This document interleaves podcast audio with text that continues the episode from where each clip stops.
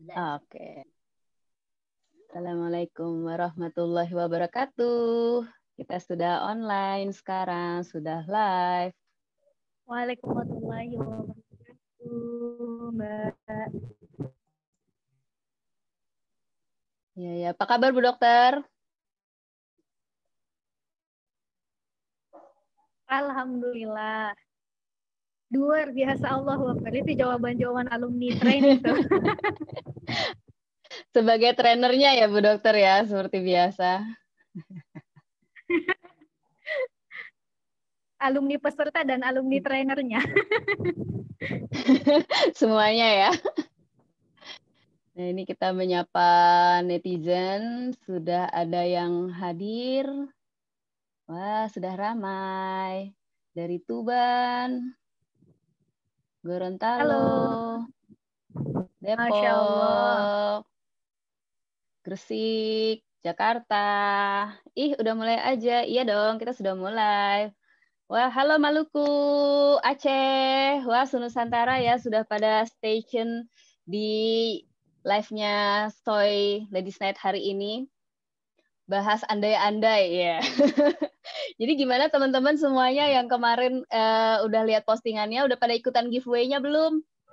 Mengisi kata, eh, mengisi huruf ya, mengisi huruf yang pantas. Macem-macem loh ini kemarin. Bu dokter lihat nggak bu komen-komennya? Iya Mbak, ya Maaf. Allah lucu-lucu banget. Ini ada beberapa ya Mbak, ada yang ada yang jawab anbay, anak baik-baik. ada, ya aku, Ada- aku, ada aku yang itu tuh. beberapa yang unik-unik nih. Oh gitu ya? Ada Nice, eh, ada nice, andai nice. mereka tahu kalau makin lama peraturan yang mereka buat itu semakin tidak masuk akal. Iya diganti jadi Y. ada Ada juga yang ansai nih. Ansai. Ayo kajian say gitu ya. Jadi sekarang kalau manggilin teman-temannya, weh weh, ansai ansai ansai ansai gitu ya. Ayo kajian Asik. ansai ansai ansai ansai gitu Ada- kan. Ada juga nih Mbak Anai. Wah pakai Quran nih, Anai. pakai dalil. Anai, Quran Surah Al-Korea ayat 4. Pada hari itu manusia adalah seperti anai-anai yang bertebaran. Masya Allah. Luar biasa. Tapi Luar dari biasa. komen-komen yang ada, aku bisa nyimpulin Mm-mm. 90% mengisi titik-titik dengan kalimat yang pantas ya. Ya bisa dibilang 90% jawabannya itu adalah jawaban anak baik-baik. Eh followernya Nah. Yung aja itu anak suci sih kayaknya. Itu tadi kayaknya ya. Iya iya iya iya. Jadi kayaknya memang iya mbak, aku jadinya mau- mengisinya mau dengan ngomong- huruf-huruf yang ngomong yang kreatif yang gitu. dibahas itu jadi nggak enak. Iya, Padahal kan kita sama-sama tahu ya hurufnya huruf apa gitu kan ya. Cuman kayaknya semua pada nggak milih huruf itu gitu. Jarang banget gitu yang milih. Malahan nggak ada ya. Ada sih mungkin beberapa gitu ya. Tapi bawahnya kan an ada anwai, ada ada. ansai, anzai gitu kan. Andai, anwai gitu. Hai, hai.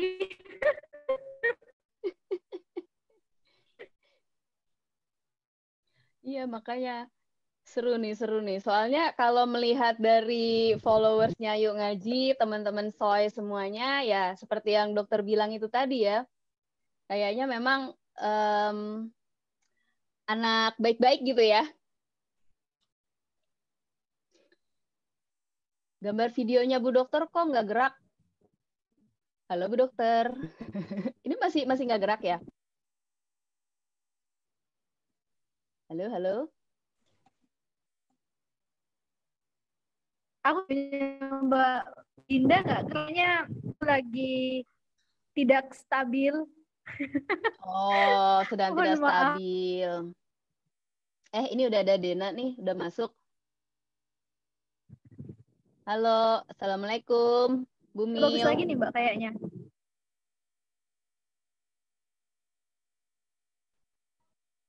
Dokter nge-freeze, dokter koneksi. Tuh, ayo kelompok Iya, mohon andai-andai. maaf, mohon doanya. ya mau gimana? Nggak ada. Aku nggak punya opsi lain. Ini udah pakai provider yang paling kenceng ininya. Masih kayak gini juga. Saya bukan ahli IT nih Mbak, jadi aku nggak tahu juga memfikskan masalah-masalah kayak gini itu gimana.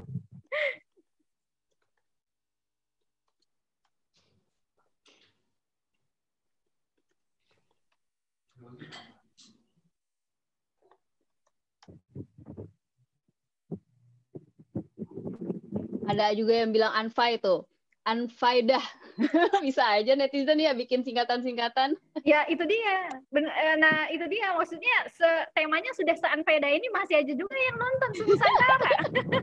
kan lucu. Itu Ya, dan pertanyaannya sebenarnya Kalian nontonnya tuh kenapa? sebenarnya mereka mau bertanya gitu, kenapa soalnya malah ngebahas yang beginian gitu kan? Sebenarnya lebih dipertanyakan tuh kita gitu Nah loh. sekarang tanya, tanya Oh gitu ya. Sekarang tanya balik, yang request tema kayak ginian siapa? Nah, jadi kita juga tuding-tudingan ya. yang ngaji itu kan ini ya. Ya jadi kan tuding-tudingan. Biar kalau nanti di pidana masuk semua. Nggak cuma dari saya aja, netizennya juga. Iya iya iya iya. Biar kita semuanya gitu ya yang kena gitu Biar kan. aman. Assalamualaikum. Salam Ukti. Den. Apa kabar Ukti? Alhamdulillah Ukti. Maaf Halo musik deh. kamera dulu nih. Assalamualaikum. agak natural ya ini kayak nggak prepare gitu. Iya iya iya. Bentar, pengen pakai background. Lagi- Lagi di mana Den? Lagi di Homes dong. Homes with Homes. Oh lagi di home. Iya iya sip sip sip sip. Gimana Nah, nih? Silakan. Eh, udah bahas andai. Kita baru ngebahas nih teman-teman kita, teman-temannya Soy itu waktu diminta untuk mengisi huruf yang pantas, itu semuanya pada memilih kecuali huruf J Oh wah. gitu. Jadi ada yang ansai, anzai, anlai, Oh, anbai gitu. memang Jadi Bu Dokter berteori bahwa ya sepertinya memang eh, netizen kita ini eh, teman-teman yuk ngaji itu anaknya anak baik-baik semua gitu, Bu Oh. Den. Iya iya iya, masya Allah ya. Tidak seperti saya. Iya iya. BTW yang lain ke mana nih ya? Oh, iya, lagi pada ansos. Mm-mm. Lagi pada ansos. Ini kenapa Iya, iya, background gue kita- seperti ini ya? Oh, Kayak Ya, cuman background-nya aura-auranya doang gitu yang iya kelihatan kayak malu gitu dia. Ya udahlah ya. background nanggung. Ya udahlah yang penting ada begininya tuh. Oh iya ada begini. Terus kita kayak mirror gitu mbak. Iya. Apa sih ini maunya? Aduh. Ya nih aku soalnya pakai HP terus nggak bisa ganti background jadi ya maklumi saja. Ancai itu ada yang bilang Ancai itu. Terus udah gitu pada bikin ada singkatan-singkatannya segala gitu. Tadi apa tuh? Eh, ayo kajian say, Cie, Ankai, Ankai. Serius ada yang ngomong gitu? Banyak yang bikin kayak bikin eh inian singkatan-singkatan gitu, Anbay anak bayi gitu kan. Ya ampun, lembut sekali hati kalian. Anjay, Anjay anak eh, anak Jayadi gitu, nama betahnya gitu. Gitu maksudnya gitu loh. Oke oke, bisa lah, bisa bisa bisa. Jadi kita semua tidak terkena pasal ya. Ya, betul sekali. Iya ada juga tuh teori eh, apa anak Jakarta nikah sama anak Jogja jadinya anjay. Oh gitu. Oke. Ya. Bisa, bisa. Bisa ya, bisa ya netizen ya bikin inian ya. Anlay, anak layangan. Anak layangan Ansai, Ansai, atas nama sayang, asik. asik. Assalamualaikum, Kak Sabel. Assalamualaikum. Waalaikumsalam. Baik, alhamdulillah. Ya sebelum kita terlalu berbelok-belok Untung udah ada Kak Sabel yang siap meluruskan yang bengkok-bengkok. Aku baru Tadi. baru masuk. Langsung ditodong. Kita juga baru ngobrol- ngobrolin ini. Tapi kita udah bengkok kak. Oh. Udah bengkok udah ngomongin apa tadi? Anla ya. Kalau ngomongin ngomong ngomongin ini apa namanya hasil kema tadi yang kita pada polling eh pada giveaway itu loh. Mhm. pada giveaway kan di apa namanya akunnya postingannya Yuk Ngaji suruh ngisi Mhm. kan kata-kata yang eh, huruf-huruf yang pantas mengisi Oh, kekosongan tuh oke, huruf oke. yang pantas apa gitu nah itu rata-rata milihnya semua kecuali huruf J gitu loh kan keren ya itu ya Iya, biar, biar Seragaman nanti kalau gitu ya. umpama kita kita yang keliru ada netizen yang suci-suci ini yang bisa meluruskan. Pasal mbak. Masya Allah. Oh justru nggak ada yang mengisi pakai huruf J. Ada sih, Ada. tapi dikit. Oh. Tapi ada singkatannya gitu, kayak Hmm, anaknya berarti- Pak Jahyadi gitu, anak Jakarta, berarti lebih kreatif anak ya. Jakarta yo main. Iya, kreatif kreatif. Luar biasa banget ini teman-teman soy kita nih ya. Masya Allah. Atau pada khawatir iya, diciduk iya. tuh. Oh gitu. Cari aman juga. Cari aman, cari aman. Nah ini juga, halo. Hai Bu Mil. Sebi, Sebi, Bumil. Halo Bumil, Assalamualaikum. Eh, jatuh. Waalaikumsalam. Kok kalian pada perfect ya backgroundnya ya? Kenapa Dena hilang? Apa Dena? Aku harus Dena- dulu, baru ada sedikit ada lah. Aku Mundur. ini Nah, gitu. Jauh banget. Eh, ada Jauh dong. banget. Jauh banget. Gak apa Den. Backgroundnya gak usah aku ada temennya. Tuh, Oke, Gak pakai oke. background. Ya, aku ada dikit-dikit lah biar kita rada hybrid ya guys. Sedikit ada, sedikit tidak. Nih ada yang ngomong nih dari teman-teman nih yang ikutan giveaway-nya nih. Kita tuh mau pakai J tapi takut pasal, Mbak, gitu. Oh. Jadi sebenarnya kita tuh pada cari aman udah sih sebenarnya. Tapi kan ada, say. akhirnya nggak dilanjutin nggak sih Mbak? Wih.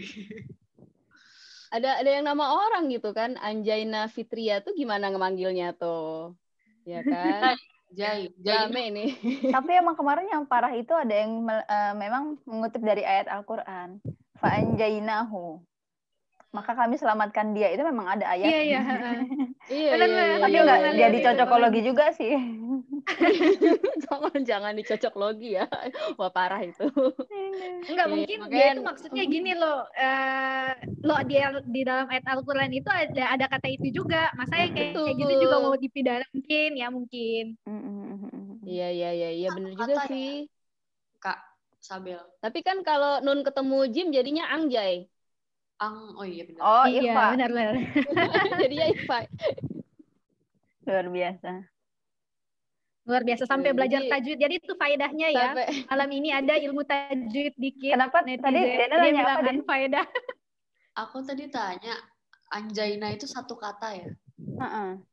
Kalau- Eh, kami selamatkan dia. Fa'anjainahu kalau nggak salah itu. Hmm, Ayat tentang apa ya? Tentang Nabi Musa ya kalau nggak salah. baik. Mm-mm. Jadi gimana nih siapa duluan nih yang mau ngomong nih? Kak Den, Kak Den, Mau gimana? Kak Den?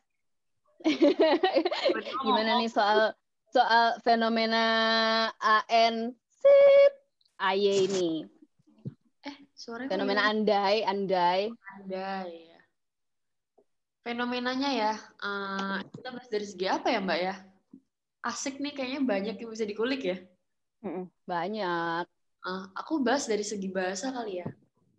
Hmm, hmm. Sebenarnya kalau ini yang aku tahu ya, dari yang aku tahu memang eh, kata tersebut kita sebut saja tersebut karena Kata tak tersebut. pasal. kata tersebut itu memang kata serapan dari eh, kata hewan yaitu kata anjing, kata hewan ya. Teman-teman saya tidak berkata kasar. Nama hewan. Iya nama hewan. Nah eh, jadi peng- jadi gini, kalau misalnya melihat dari kata serapannya, memang kurang pantas untuk ngomong kata tersebut. Mm. Cuman karena arti dari kata ini itu lumayan apa ya? Tidak saklek apa nggak punya arti gitu loh. Maksudnya eh tidak ada keberpihakan dia artinya di mana, artinya di mana gitu. Jadi konteksnya tuh luas banget kalau misalnya dipakai di eh, society mungkin. Kalau misalnya di di circleku juga pakainya tuh untuk memuji orang kayak Hmm. nah gitu. Anggap aja itu Jadi malu-malu ya menyebutnya. ya nih ntar ada KPAI. Canda beb, canda beb. Jadi gitu maksudnya eh, mungkin tergantung dari anggapan eh bukan tergantung dari inti dari ma- memakai kata itu tuh mau kayak gimana gitu. Cuman kalau misalnya dari melihat dari kata aslinya memang kurang baik kalau misalnya ditujukan untuk menunjukkan kata aslinya gitu. Cuman sekarang kan jadi lumayan ambigu ya, ambigu banget ya. Itu tuh artinya apa sih gitu? kalau kata dasarnya ada, cuman hanya karena itu memiliki kata dasar belum uh, bukan berarti dia itu memiliki arti yang sama dengan kata dasarnya gitu kan. Karena sekarang kan namanya perubahan zaman, hmm. kata itu kan selalu bergeser, meluas, mengecil, berubah kayak gitu. Jadi uh, kalau yang aku lihat nih ya, kata tersebut itu sebenarnya ambigu. Kalau untuk digunakan zaman sekarang tuh emang jadi kayak ambigu gitu ya? Ambigu, heeh. Ada yang bilang tuh tergantung nadanya sih. Tergantung. Ya memang. Satu nada doang ya. Tergantung intonasi mungkin maksudnya ya. Ya, ya, ya. Nada gimana? Do re mi fa sol la si do atau gimana? ya emang menarik sih. Kalau aku sih uh, cerita sedikit ya teman-teman. Jadi memang aku sebelum hijrah gitu ya, memang ada di circle yang orang-orang itu sangat terbiasa uh, berucap kata-kata yang mengandung flora dan fauna gitu, hewan-hewanan gitu. Itu biasa banget gitu. Dan ketika manggil sesama temen gitu ya, itu memang pakai kata-kata kayak gitu. Jadi kayak apa ya, kalau semakin dekat, semakin dekat sama seseorang, itu tuh justru ngomongnya kata-kata itu semakin kasar gitu kan. Semakin, maksudnya bukan kasar ya, tapi buat orang yang dipanggil dengan kata itu, mereka tuh fine-fine aja gitu kayak ya pakai kata anjay itu gitu misalnya. Tapi kalau dulu itu bener-bener katanya ya pakai kata si kata hewan itu si anjing itu gitu. Bener-bener jadi manggilnya si anjing gitu kan. Misalnya jangjing jangjing atau nyat nyat nyat nyat gitu. Jadi aku dulu emang ada di circle yang seperti itu gitu. Walaupun hmm. aku sendiri berusaha untuk nggak ngomong itu gitu. Karena apa? Karena aku dulu waktu kecil memang pernah kayak apa ya disentil sih mulutnya. aku disentil sama uh, sama kakakku gitu ya. Gara-gara aku memang mencoba untuk mengucapkan kata itu ke kakakku yang lebih tua. Jadi kan namanya anak kecil ya, anak kecil dengar gitu, terus kayak wah keren tuh mereka berkata-kata seperti itu gitu misalnya. Kata-katanya bukan si anjing ini ya, tapi yang lain gitulah. Kata-katanya hurufnya depannya B gitu. Kalau sekarang diplesetin jadi BGST Nah, itu waktu kecil. Oh. waktu kecil aku berusaha untuk manggil gitu supaya apa? Supaya dianggap gaul, supaya dianggap keren, supaya dianggap ya masuk aja gitu ke anak-anak yang lebih tua usia dari dari aku gitu.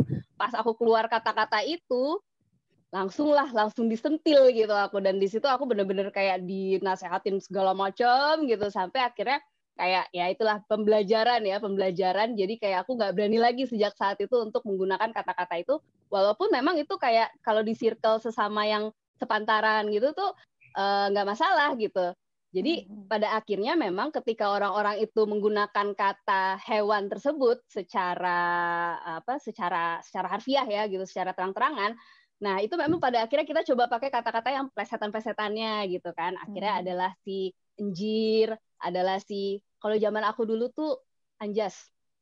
Oh iya. Hmm. Hmm. Karena saat itu lagi ada artis yang namanya juga begitu gitu kan. Jadi okay. kayak kalau ngomong gitu kayak Anjas gitu. Maksudnya sebenarnya kata itu gitu. Hmm. nah, itu tahu kan. Oh, Brenda udah lahir ya berarti ya?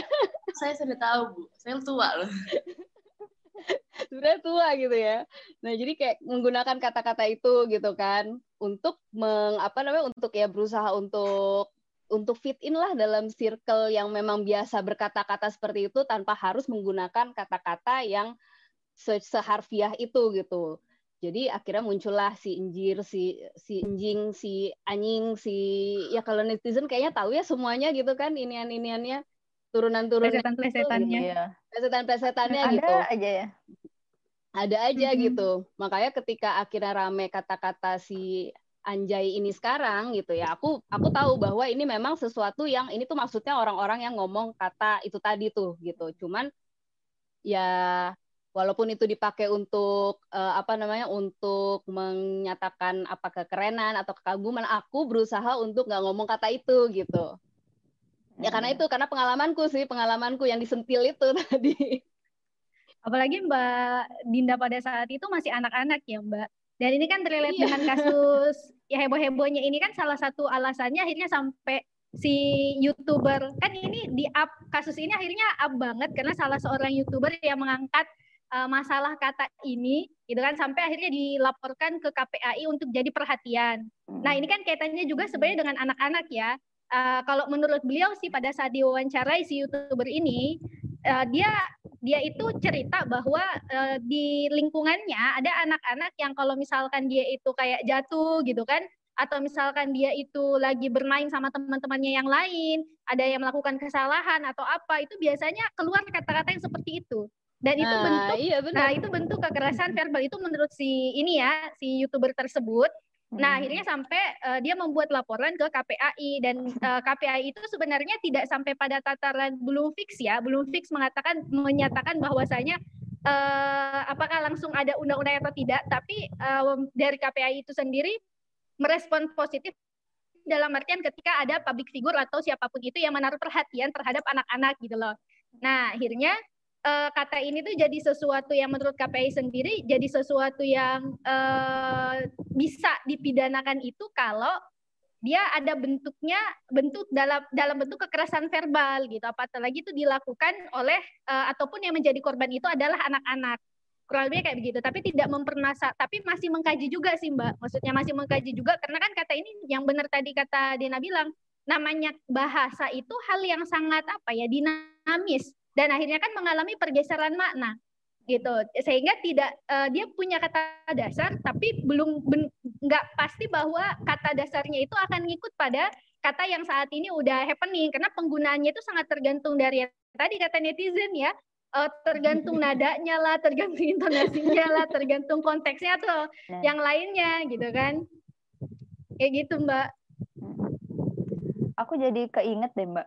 Uh, mm-hmm. apa namanya maksudnya terlepas dari tadi ya maknanya itu ada banyak mm-hmm. uh, makna apakah itu menunjukkan kekaguman atau ada pergeseran makna tadi itu cuma kalau misalnya kita boleh mengembalikan lagi posisi kita sebagai seorang muslim ya karena tadi aku sempat sempat ini nih baca komentar dari teman-teman nih ada yang katanya itu uh, aku tuh kayak udah refleks gitu kak jadi ngebaca postingan even itu postingan yang apa menyenangkan atau postingan yang kekaguman hmm. tadi itu hmm. jadi refleks ngucap kata itu katanya gitu bener, terus bener. kayak sedih aja gitu karena uh, maksudnya dia tadi kayaknya lama-lama kemudian berpikir ya teman kita tadi itu kayaknya apa sih maknanya ini tadi gitu ya karena emang kalau lagi-lagi kita dudukkan posisi kita sebagai seorang muslim ya uh, kayak segala sesuatu apa yang kita ucapkan, apa yang kita lakukan itu kan sebenarnya bakal dimintai pertanggungjawaban gitu ya. Bahkan sekecil biji jeruk pun gitu nggak akan lepas dari pertanggungjawaban itu. Nah makanya kayak uh, ketika ada sesuatu yang lebih bisa bernilai pahala ya ketika diucapkan kenapa nggak kita lakukan itu? Katakanlah kita ganti misalnya tadi kekaguman dengan kenapa nggak sekalian masya Allah aja gitu nggak sih? Hmm. atau uh, apa namanya sekalian zikir gitu ya ah, ah, betul kalimat-kalimat toyibah gitu yang keluar gitu. Wah, ini iya, udah good looking, pakai oh. takbir, ah, Anda sudah radikal Anda radikal ya. Anda radikal. Iya, Pak Menak ini Pak Menak. Eh, aku happy loh dibilang good looking sama Pak Menak. Assalamualaikum, geng.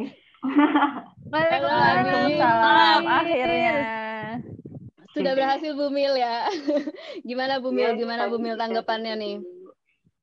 Iya, tadi itu sebelum maghrib tuh aku diskusi gitu sama suami sama si hmm. kata beliau tuh ya emang katanya kalau misalnya bahasa itu jadi banyak apa ya jadi multi tafsir gitu ya gak sih mbak gitu.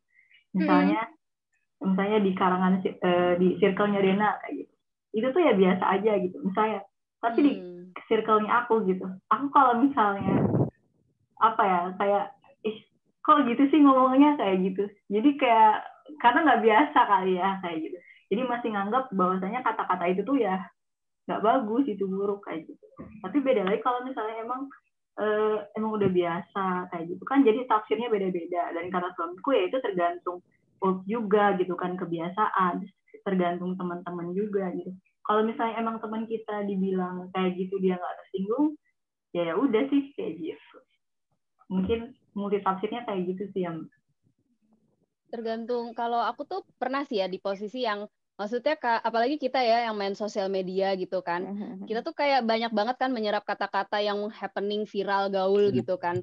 Aku ingat dulu itu pernah uh, ada kata-kata unch yang lagi rame unch unch itu Nah, itu kan kita semua akhirnya pakai untuk menunjukkan kekaguman gitu kan. Uncu uncu gitu kan.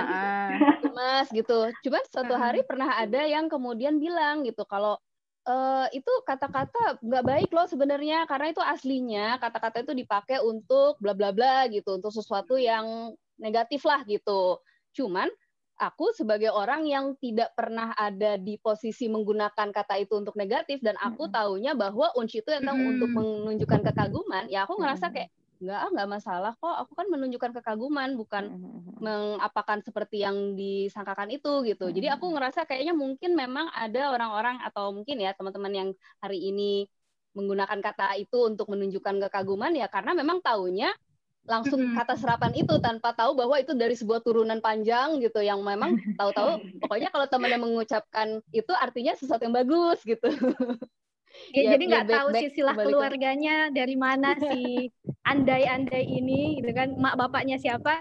Tapi kayaknya itu yang uh, unch dulu itu sebelum ada u ya mbak? Kayaknya hmm. u itu Kenapa? sekarang itu mirip maknanya dengan unch zaman dulu. Hmm. ya nggak sih? Uh, uh, iya. Jadi kayak Cuman seniornya kalau gitu. itu kayak seniornya ya jadi turunan sebelum u gitu ya atasnya itu adalah unch gitu. Cuman katanya unch itu penggunaannya nggak baik gitu loh waktu itu aku pernah dapat hmm, info hmm. seperti itu gitu. Cuman kan aku memang nggak pernah berada di circle yang menggunakan kata unch itu untuk sesuatu yang nggak baik. Makanya aku nggak merasa kayak aku nggak salah kok menggunakan kata ini gitu. Beda kalau hmm, misalnya aku tahu nih karena dulu aku memang ada di circle yang orang ngomong pakai kata si anjing itu gitu kan.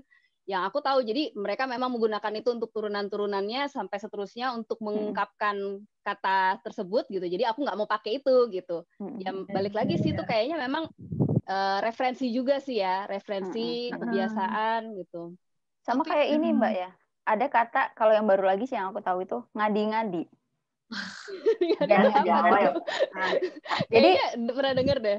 kayak misalnya kita ngomong ngadi-ngadi deh gitu. Itu kayak mungkin maknanya tuh ada yang menganggap oh itu jangan ngada-ngada deh, jangan mengada-ada gitu, jangan hmm. aneh-aneh lah ibaratnya gitu. Tapi ternyata kalau misalnya kita searching atau nanti mungkin teman-teman semua bisa searching ya, artinya ngadi-ngadi tuh konotasinya udah negatif juga atau dalam tanda kutip juga kan. Oh, I kan. see. Nah, jadi kemarin sempat ada itu yang apa namanya nyinggung tentang itu juga, cuma ternyata masih banyak yang menggunakan gitu kayaknya. Itu yang terjadi. Itu kayak bahasa Jawa apa gitu? Ngadi-ngadi bahasa Keanu ya? sih bahas. Sekian. Oh, iya. Sebut deh. Sih aku dengarnya dari Keanu. Nggak boleh ya, nggak boleh nyebut ya. apa-apa. Tadi udah nyebut. Tapi emang itu realnya dari. Enggak sih, kita kan nggak ngomongin aib orang, cuma ngomong itu kata aku dengar dari mana pertama kali oh, dari okay, okay, okay. fakta, fakta, fakta, fakta, betul, fakta. Betul. Dan Tapi bukan aib. Terjadi uh, dengan apa ya? Itu itu namanya pop culture. Jadi apa-apa yang jadi popular itu biasanya nggak dilihat dari backgroundnya, memang melesat gitu aja, seret seret seret gitu. Orang pakai gue pakai, dia pakai gue pakai gitu. Nah, Jadi, iya betul betul. betul dan pop culture itu nggak cuma meliputi bahasa bisa jadi tren makanan minuman kuliner gitu ya. Terus juga dari pakaian terus juga tontonan segala macam. Kan nggak semua orang bisa melihat usut usut usut usut usutnya gitu. Nggak nggak mengusut hmm. dari akarnya akarnya.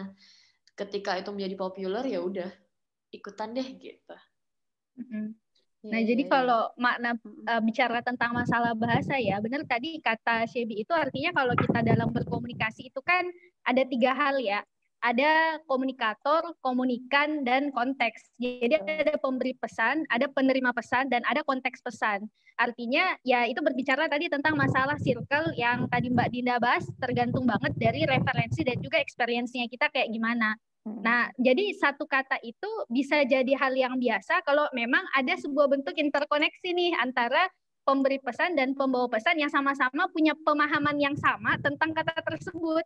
Gitu. Misalkan kalau kita saling tahu nih dan saling saling mengetahui bahwa kalau kita ngomong uh, andai-andai tadi itu maknanya adalah pujian, maknanya adalah wow itu keren atau dan sebagainya. Nah, itu bukan sebuah bentuk kekerasan verbal ataupun itu bu bukan bentuk sebuah hinaan gitu loh. Karena kita saling saling memahami. Karena itu tadi ya bahasa itu jadi hal yang sangat fleksibel. Karena satu daerah saja bisa jadi beda dengan daerah yang lain. Ada bahasa misalkan di daerah lain itu merupakan umpatan. Tapi di di satu sisi daerah lain itu menganggapnya misalkan ya saya misalnya mungkin kayak aku ya yang asalnya Sulawesi Selatan misalkan diumpatin pakai pakai bahasa kotor Jawa ya aku nggak ngerti gitu kan.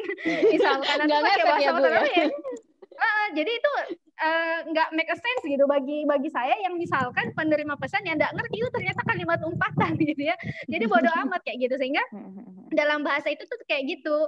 Jadi tergantung dari pemaknaan juga sehingga ya kita nggak uh, apa ya tidak dalam posisi sebenarnya akhirnya menghitam putihkan. Apalagi memang bahasa slang ini bahasa yang sifatnya abu-abu banget, jadi sangat dinamis gitu loh. Hmm. Makanya kenapa sampai akhirnya kita juga uh, cukup dalam dalam posisi yang kalau saya katakan cukup berani mengangkat tema seperti ini selain memang ini jadi hal yang uh, apa headline ya di tengah kalangan netizen yang memang banyak minta tema seputar ini ya itu tadi bahwa sebenarnya makna ini itu cukup apa ya abu-abu cuman betul tadi kata Ustazah Bella bahwasanya ya bahasa itu kan banyak gitu loh. Kalau misalkan ternyata kita itu bisa membiasakan dengan perkara yang baik, kenapa nggak pilih saja gitu loh. Kalau misalkan membiasakan hal-hal yang daripada ngambil sesuatu yang abu-abu, kenapa tidak membiasakan hal yang jelas-jelas itu bisa mendatangkan pahala gitu Dengan ya tadi membiasakan masya Allah subhanallah kan kadang-kadang apa ya kalau kayak kita itu kaget-kagetan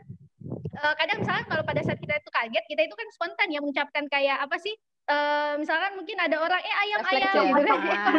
latah. Latah latah latah jadi uh, latah latah uh, itu kan sangat tergantung dari uh, kebiasaannya kita. Nah coba kalau misalkan mungkin kita terbiasa zikir gitu. Pas latah yang keluar astagfirullah masya allah subhanallah. Misalkan pas misalkan kalau kayak kita lihat video-video bencana itu ya mbak uh, beberapa kali aku lihat video-video yeah, bencana yeah. itu ada yeah, uh, banyak kan orang-orang itu yang langsung ingat Allah gitu loh mbak hmm. lihat misalkan hmm. bencana astagfirullah ya Allah gitu kan itu kan bentuk apa ya munculnya memang gorizatu tadayun gitu atau naluri naluri mensucikan sesuatu yang otomatis hadir yang itu kita interpretasikan dalam bentuk bahasa. Makna bahwa ya kita ingat kepada Allah, kita memohon pertolongan kepadanya dengan kalimat-kalimat tadi. Kan tidak mungkin misalkan pada saat datang bencana terus kita meminta pertolongan Allah, kita pakai kata andai-andai tadi itu. Belum pernah sih sejauh ini ngeliat video bencana iya. yang keluar andai, andai, andai gitu kan. Pastinya Allahu Akbar, Allahu Akbar. Beneran loh, beneran, beneran. Itu tadi. Nah, jadi nggak ya, sholat nggak sholatnya uh, orang tuh kayaknya yang keluar itu Allahu Akbar, Allahu Akbar gitu. Ya Allah, nah, gitu kan. Andai tidak bisa. Oh, ya Allah, ya Allah. Ya. Uh, andai tidak bisa dituhankan. Iya, nah, iya. itu tadi benar. Pada akhirnya uh, fitrahnya ya balik lagi gitu. Uh, Makanya sih dalam artian kita tidak terlalu dalam posisi yang sangat membela juga kata ini ataupun juga sangat apa ya dalam posisi juga uh, sangat yang kayak anti terhadap kata oh. ini ya memposisikannya sebijak mungkin. Mm, sampai mempidanakan kayak gitu ya. Tapi yang menarik itu tadi loh Mbak. Yang menarik itu yang kita bahas tentang masalah fenomena agar kita itu bisa diterima oleh circle ataupun lingkungan. Nah ini hmm. kan pernah juga ya Ustazah Bella sempat cerita kadang ada orang yang bahkan apa ya merasa Eh, nggak uh, mau atau sungkan dipanggil misalkan ukti karena iya. kayak dianggap apa ya? Kayak dianggap disudutkan atau misalkan mungkin ya tanda kutip kadang merasa uh, sudah kayak dibully gitu ya. Uh, uh, atau dipanggil Bu Aji gitu ya. Uh, uh. jadi itu rasanya seperti umpatan gitu. Padahal itu hal yang baik gitu. Saya kalimat yang baik. Nah ini kan yang menarik nih mbak. Uh, kenapa seolah-olah di society ini justru kita itu untuk diterima harus dengan uh, harus dengan apa ya casing yang bahkan bahasa yang tadi bahasa yang serapannya itu dari kata yang buruk gitu untuk bisa diterima di circle-nya kita. Kenapa kemudian justru yang bahasa-bahasa baik itu uh, malah cenderung apa ya kayak di Lagu anak tirikan gitu ya? dan dianggap sebagai aduh kaku banget sih lo nggak gaul banget sih lo. Nah ini ini menarik nih. Kalau menurut teman-teman ini gimana nih? Karena sebelum semua orang radikal mbak. Oh iya kesimpulan yang sangat Bener ya? pa pa pakai ukti langsung dibilang radikal gitu ya apalagi kalau uktinya memang good looking gitu kan aduh anak masjid anak masjid anak masjid, anak masjid bahasa Arab Quran gitu. gitu kan aduh karena di circleku dipanggil uh, misalnya ukti dipanggil Bu Aji itu malah menghina ngeledek hmm. ah iya iya iya iya, iya. kalau itu kan itu kayak menarik gimana kok bisa gitu loh tanda tanya gimana bi? Gimana? Kan ada standar mesti eh, kayak standar umum di masyarakat. Orang yang dipanggil ukti itu harus kayak gini loh. Akhwat tuh harus kayak gini hmm. loh kayak gini. Akhirnya orang pasti aku tuh belum kayak gitu standar diri aku tuh. Akhirnya mereka nggak oh. mau kayak gitu. soalnya aku oh, pernah ngalamin. Iya, iya. jadi pas aku hijrah terus aku tuh jadi kayak nyari tahu kenapa sih kok orang hijrah tuh dipanggilnya aku atau ukti ya gitu. Aku tuh sampai nyari tahu aku ukti tuh kayak gimana sih kriterianya? Aku tuh kayak gimana sih kriterianya? Sampai aku tuh pas dapet referensi itu terus aku nulis di akun Facebookku dulu waktu itu udah lama banget. Dan aku tulis di situ akhwat itu ciri-cirinya seperti ini kayak gitu. Ah. tapi aku udah cocok belum sih dibilang akhwat atau kayak gitu sih kalau menurut saya Oh, oh iya, masalah rasa nggak pantas ya. Orang-orang pantas lah bisa misalnya panggil aku Afat atau Uti kayak gitu. Oh. Jadi kayak gara-gara standar itu sih kalau aku lihat. Iya, iya, iya. Kok jadi muncul pertanyaan, Mbak? kalau misalnya kan Dena dari ini dan dari apa namanya sudut uh, maksudnya orang bahasa gitu ya, orang orang sastra. Uh, ini nggak sih ada kaitannya apa namanya bahasa dengan katakanlah menunjukkan kualitas seseorang atau kayak mungkin manner kah atau apa gitu? Karena kaitannya dengan pertanyaan dokter Ratih tadi, kalau ada orang kayak mau diakui dengan bahasa hmm. tertentu hmm. atau gitu. Oh iya ya, itu dari so sisi sosial dari seseorang berarti ya. Mm -mm. Kalau selama kuliah sih saya tidak membahas itu ya. Oh. Nggak ada benar. Pelajaran uh, hidup. Uh, kalau misalnya mengesampingkan teori, harusnya sih memang ada ya. Apalagi kalau misalnya uh, gini deh kita ambilnya dari sisi jenjang pendidikan aja orang yang lulusan SD dengan orang yang mungkin lulusan uh, S1 atau S2 itu kemungkinan besar memang pemakaian bahasanya itu berbeda. Hmm. Kemungkinan besar uh, ya bedalah karena sudah yang satu sudah terbiasa dengan mungkin buku-buku, hmm. yang satu beda lagi preferensinya gitu. Terus juga uh, selain daripada apa namanya pendidikan, lingkungan juga mempengaruhi kayak circle masyarakat kan hmm. eh, low, middle, high ya. Itu juga mempengaruhi hmm. biasanya dari uh, masyarakat yang mungkin uh, masyarakat bawah, maaf ya, hmm. masyarakat bawah itu kan uh, tempat tinggalnya itu biasanya me, tempat tinggalnya itu biasanya mencerminkan kualitas uh, apa namanya? Gimana ya? Paham nggak sih? Aduh, sulit nih Bu Haji. biasanya orang-orang yang istilahnya low class, mm -hmm misalnya low class itu ngumpulnya dengan orang-orang yang semacam mereka juga gitu biasanya. Oke okay, Okay. biasanya nggak tahu bahasa gaul kayak gitu. Uh -uh.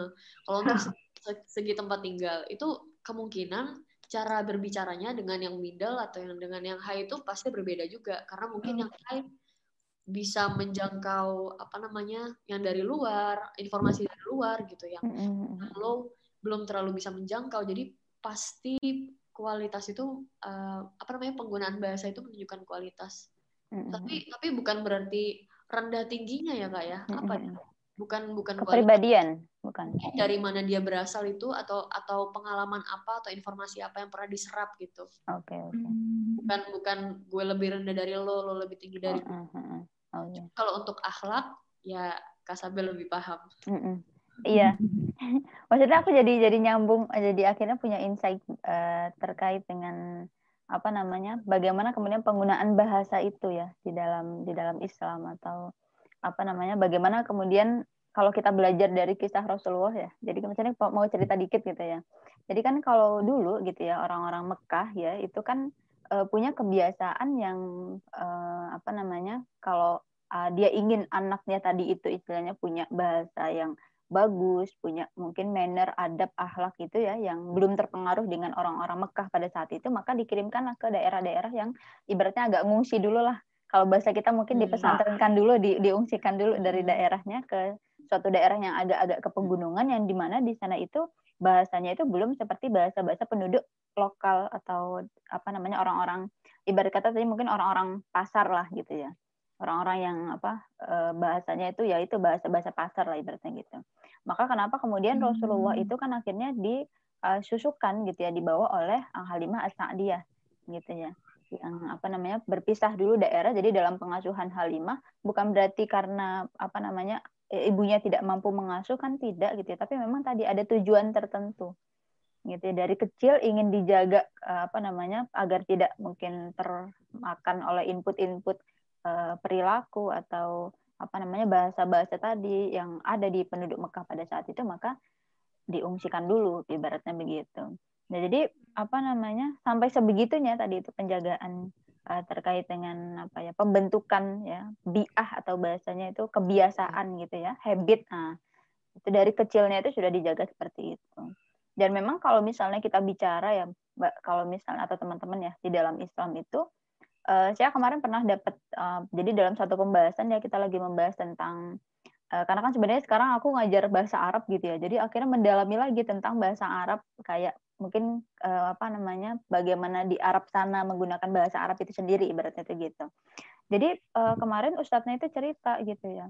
Uh, bahasa Arab gitu ya kalau kita ngomong bahasa dalam konteks yang tadi aku itu bahasa Arab ibaratnya gitu ya uh, ada yang mengatakan uh, al Arabiyatu fil Islam kal aklu fil insan gitu ya. Jadi bahasa Arab bagi orang Islam, bagi seorang muslim gitu ya, itu seperti makanan bagi manusia.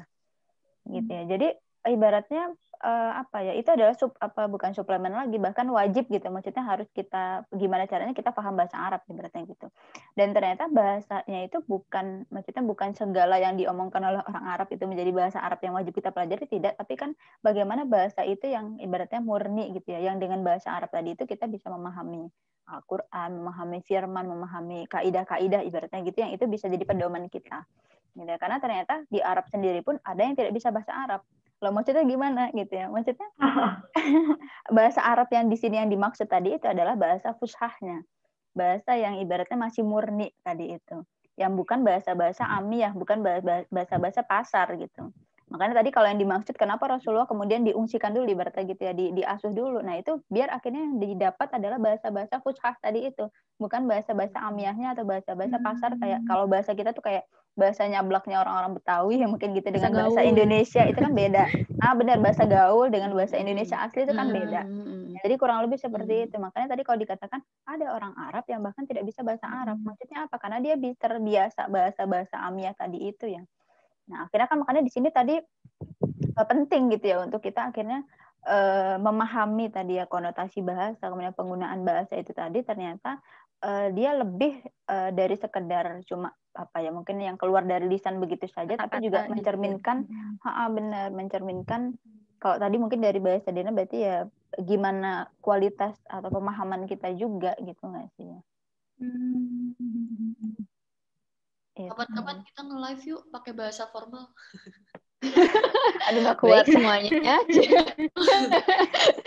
Baru juga mau mulai gitu.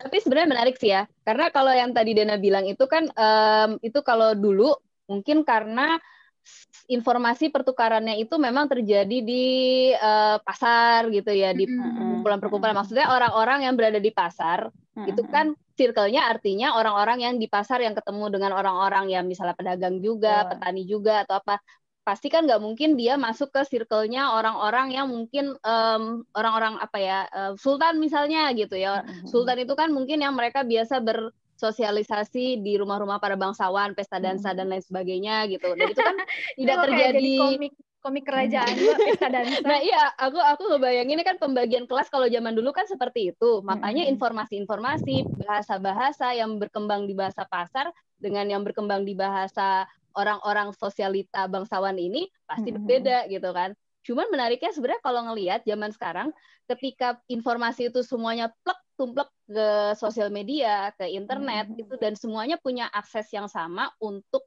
uh, mengakses informasi tersebut, artinya kan sebenarnya orang yang dari strata sosial mana pun itu bisa jadi kemungkinan referensi bahasanya pun jadi sama juga gitu. Hmm.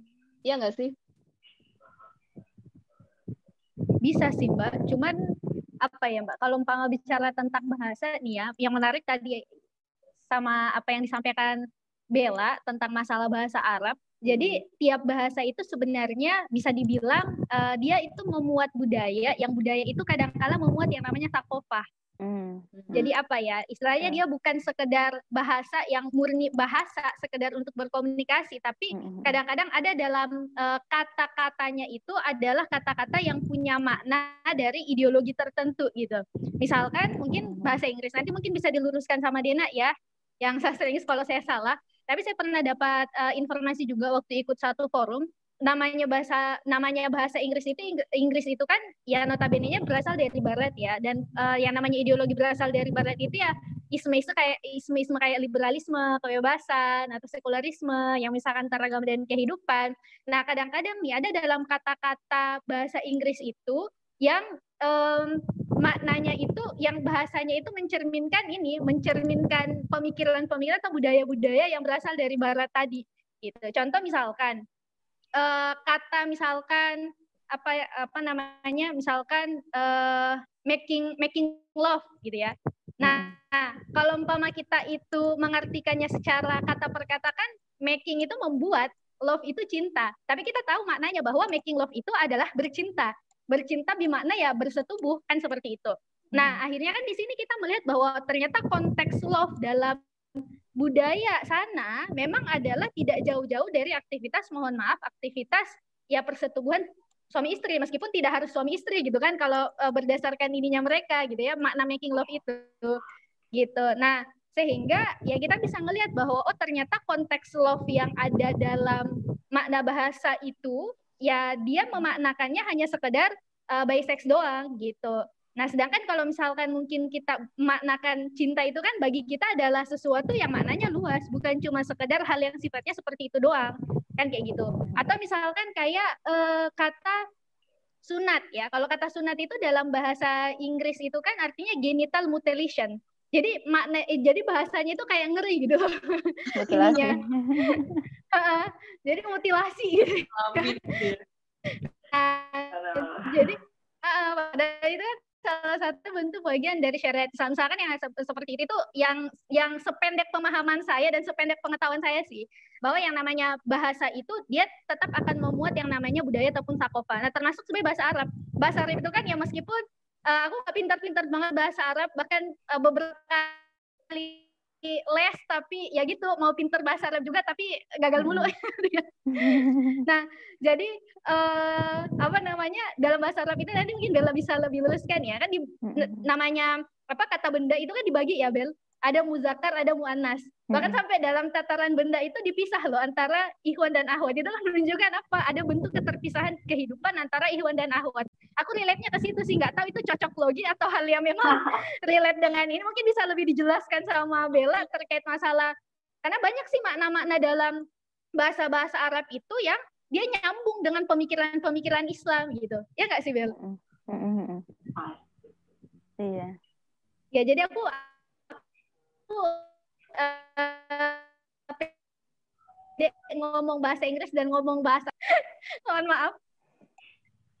Kepotong apa kenapa? Kenapa Den? Kepotong tadi. Oh iya sempat putus-putus. Uh -uh. oh maaf. Apa sister. Kamu tetap mantap. Jaringanku. Mohon doanya.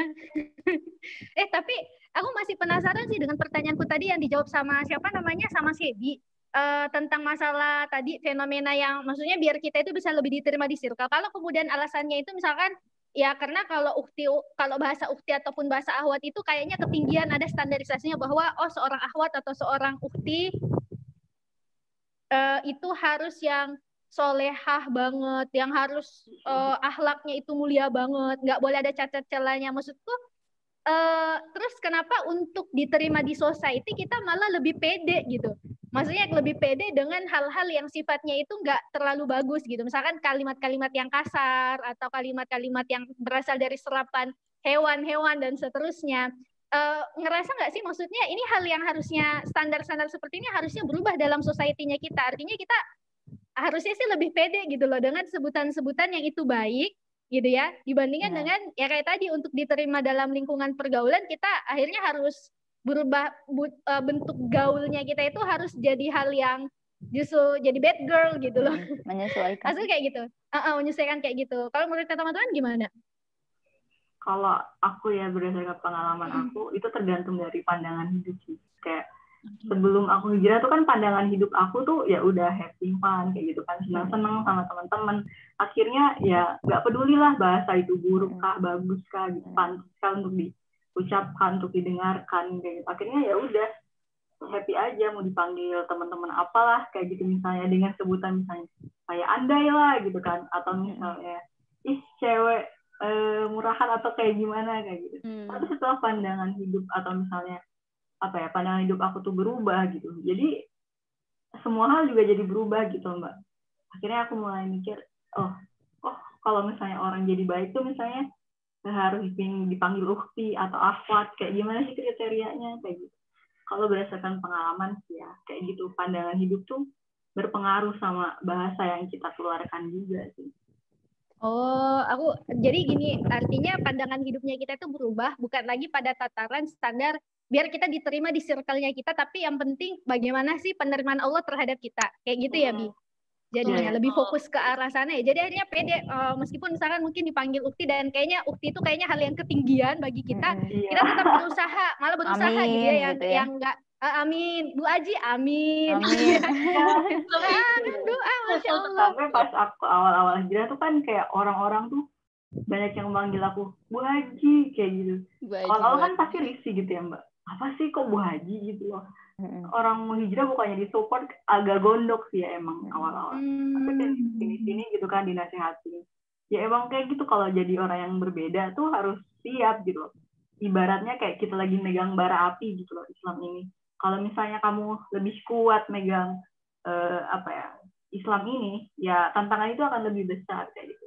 Dan aku ngalamin itu sih kayak gitu sih mbak kalau aku ngelihatnya ini ya, jadi dulu memang aku ada di circle yang emang separah itu sih gitu. Jadi kayak ngomong itu udah ya kayak aku misalnya punya temen gitu sahabat uh, ya temen deket lah dulu gitu. Yang itu kalau ngomong itu emang udah pakai seluruh nama hewan itu dibawa gitu ya, flora fauna itu semua dibawa gitu kan. Dan uh, dia kalau manggil sahabatnya itu juga dengan flora fauna itu gitu. Hmm, hmm. Dan bahkan dengan kata-kata yang tadi itu tadi uh, apa namanya kata cewek kata kata-kata yang artinya cewek nggak baik. Boleh disebutin nggak sih? Nggak boleh ya? Kan kita bahas katanya. Belajar. oh iya kita bahas kata nanti jadi ditiru. Nah jadi memang uh, dia misalnya manggil sohibnya yang lain gitu yang memang ya ibaratnya dia manggilnya dengan akhirannya gitu. Panggilnya cun oke? Okay? Hmm. nah dan dan temennya itu ketika dipanggil cun itu hmm fine fine aja gitu malah hmm. iya kenapa cun? Balik lagi gitu. Jadi kayak hmm. yang sama-sama bangga karena memang ya mohon maaf tapi perilakunya memang memang yang memang bangga gitu dengan ketidakbaikannya sebagai cewek gitu. Jadi kayak uh, apa ya ya memang balik lagi ya. Jadi kayak yang mayoritas saat itu ketika ketidak benaran itu dianggap sebagai sesuatu yang keren, maka mereka merasa fine gitu ketika disebut namanya dengan nama cewek nggak baik gitu dan memanggil sahabatnya hmm. yang udah deket gitu dengan sebutan-sebutan yang nggak baik dan mereka bangga gitu. Hmm. Kalau aku dulu ya memang separah itu juga dengan saudara-saudara sepupuku gitu. Karena kita dulu jarang sholat gitu kan. Jadi kayak manggil saudara gitu yang pakai kafir gitu. Pir-pir, kapir-kapir gitu. Udah sholat hmm. belum lu? Udah dari subuh di jamak sampai Jumat gitu. Ya ya karena emang kita jarang sholat gitu dulunya gitu kan. Makanya ngomong pir kaper kopar kapir gitu kayak ya itu dan bercandaan yang gitu. memang dan bangga astagfirullahalazim kan makanya itu separah itu gitu jadi ya ketika hijrah makanya bener-bener yang kayak berubah astagfirullahalazim nggak boleh lagi yang ngomong kayak gitu ya itu kan mm-hmm. kalau kita ngomong kayak gitu tuduhan yang sebenarnya enggak ntar berbalik ke kita gitu kan dan itu udah udah mengeluarkan seseorang dari keislamannya gitu kan apalagi udah seberat itu gitu. Jadi kayak ya itu tadi ada sebuah kebanggaan gitu ketika itu menjadi sesuatu yang dianggap sebagai orang yang nggak sholat itu karena mayoritas saat itu gitu kan. Orang yang kemudian nggak berhijab berpakaian mini perilakunya yang uh, orang genah gitu ya kalau bahasa Jawa ya benar nggak sih? Hmm, orang genah. Itu itu itu mayoritas gitu. Iya ya aku aku nanggepin dokter Rati ya Tadi kan dokter Rati ngobrolin nih masalah kita seharusnya fit in atau gimana gitu, fit in sama masyarakat atau gimana. Nah, aku pernah di steps ini, Dok.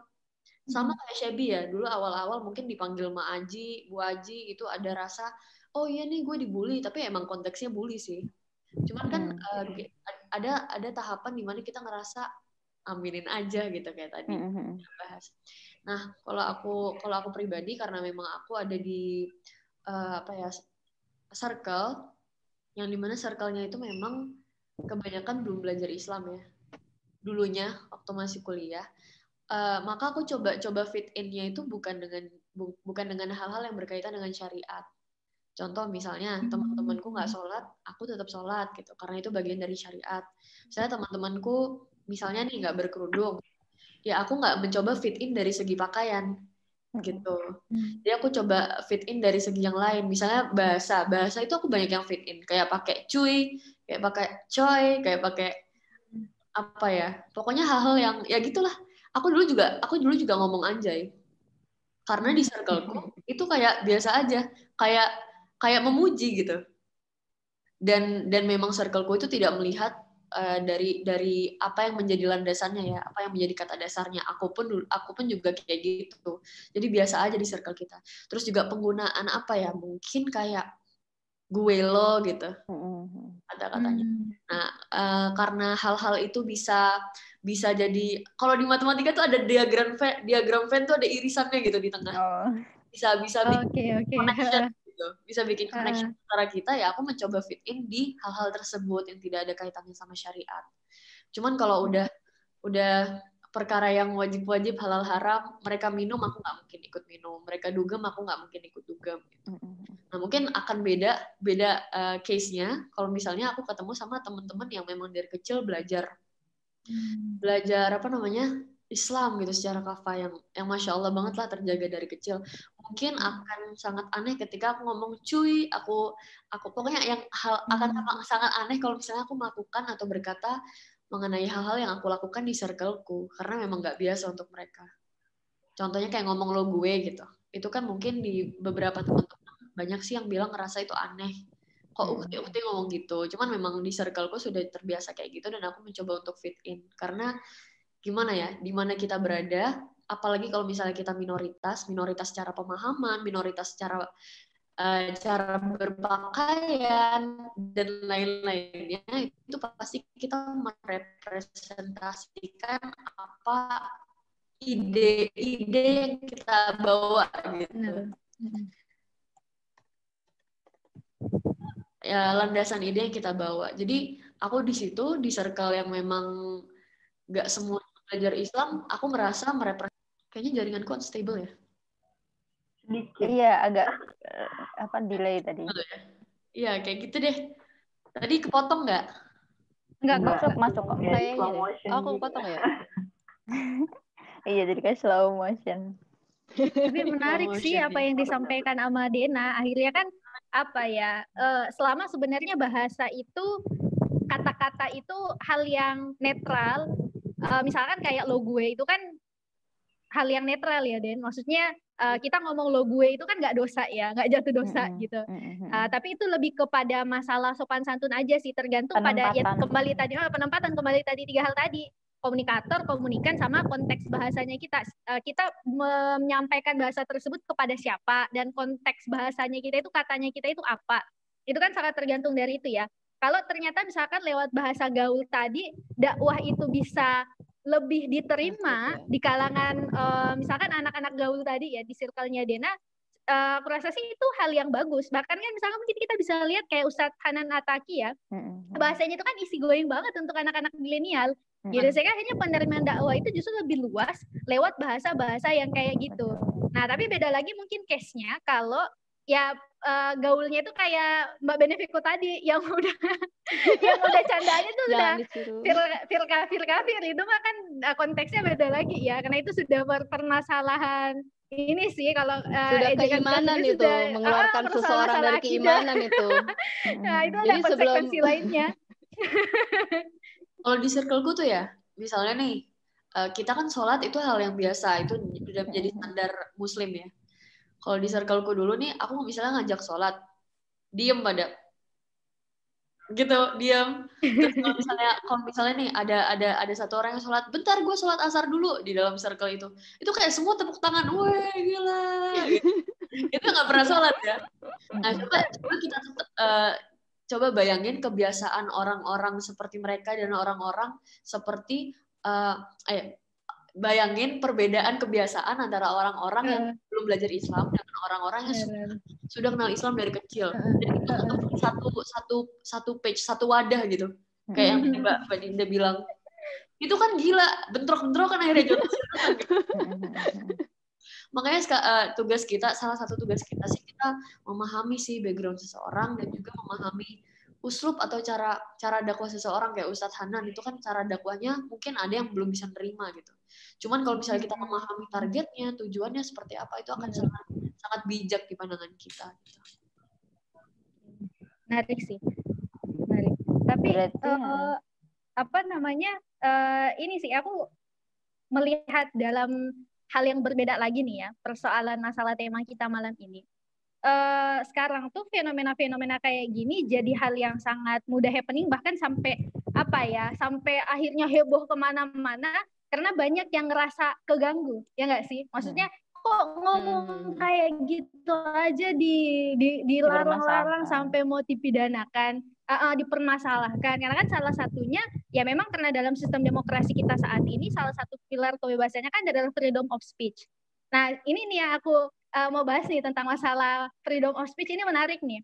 Uh, persoalan freedom of speech ini akhirnya kan jadi hal yang sangat digandrungi ya. Artinya orang itu ya mulut-mulut gue, suka-suka gue mau ngomong hmm. apa, kenapa kenapa lo yang sewa. Nah ini uh, teman-teman tahu nggak yang lagi trending nih juga ada salah satu uh, perempuan yang dia itu nge-tweet ya dia public figure juga sangat terkenal.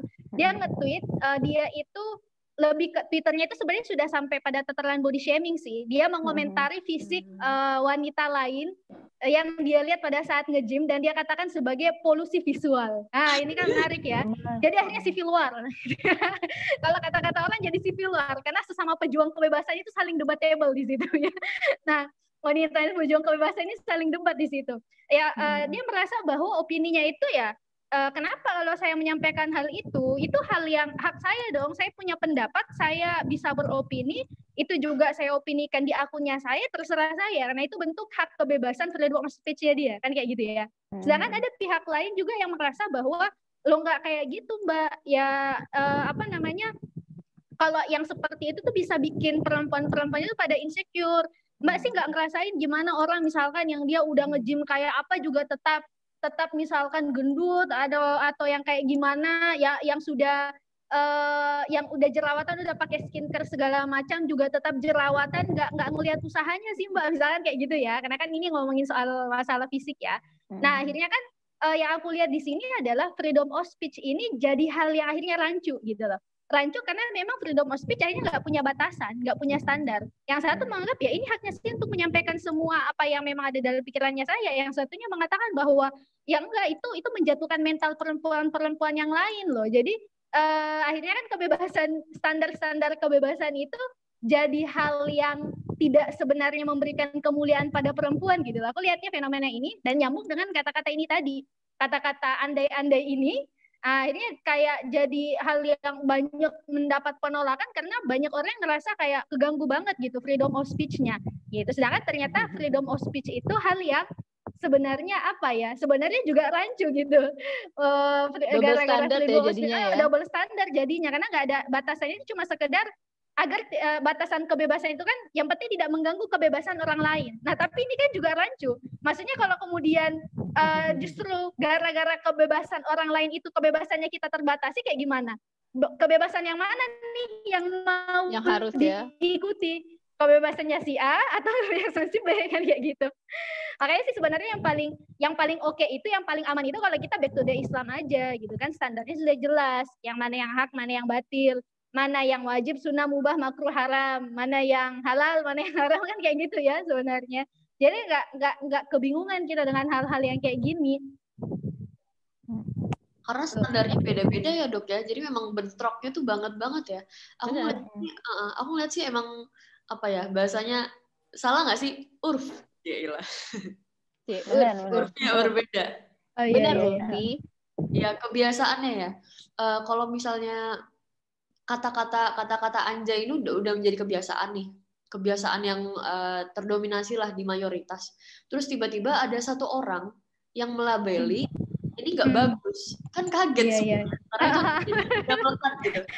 Sama kayak aku waktu SMP aku tuh suka banget sama Lady Gaga dan dan dunia perkonseran itu udah menjadi hal yang biasa untuk anak muda gitu.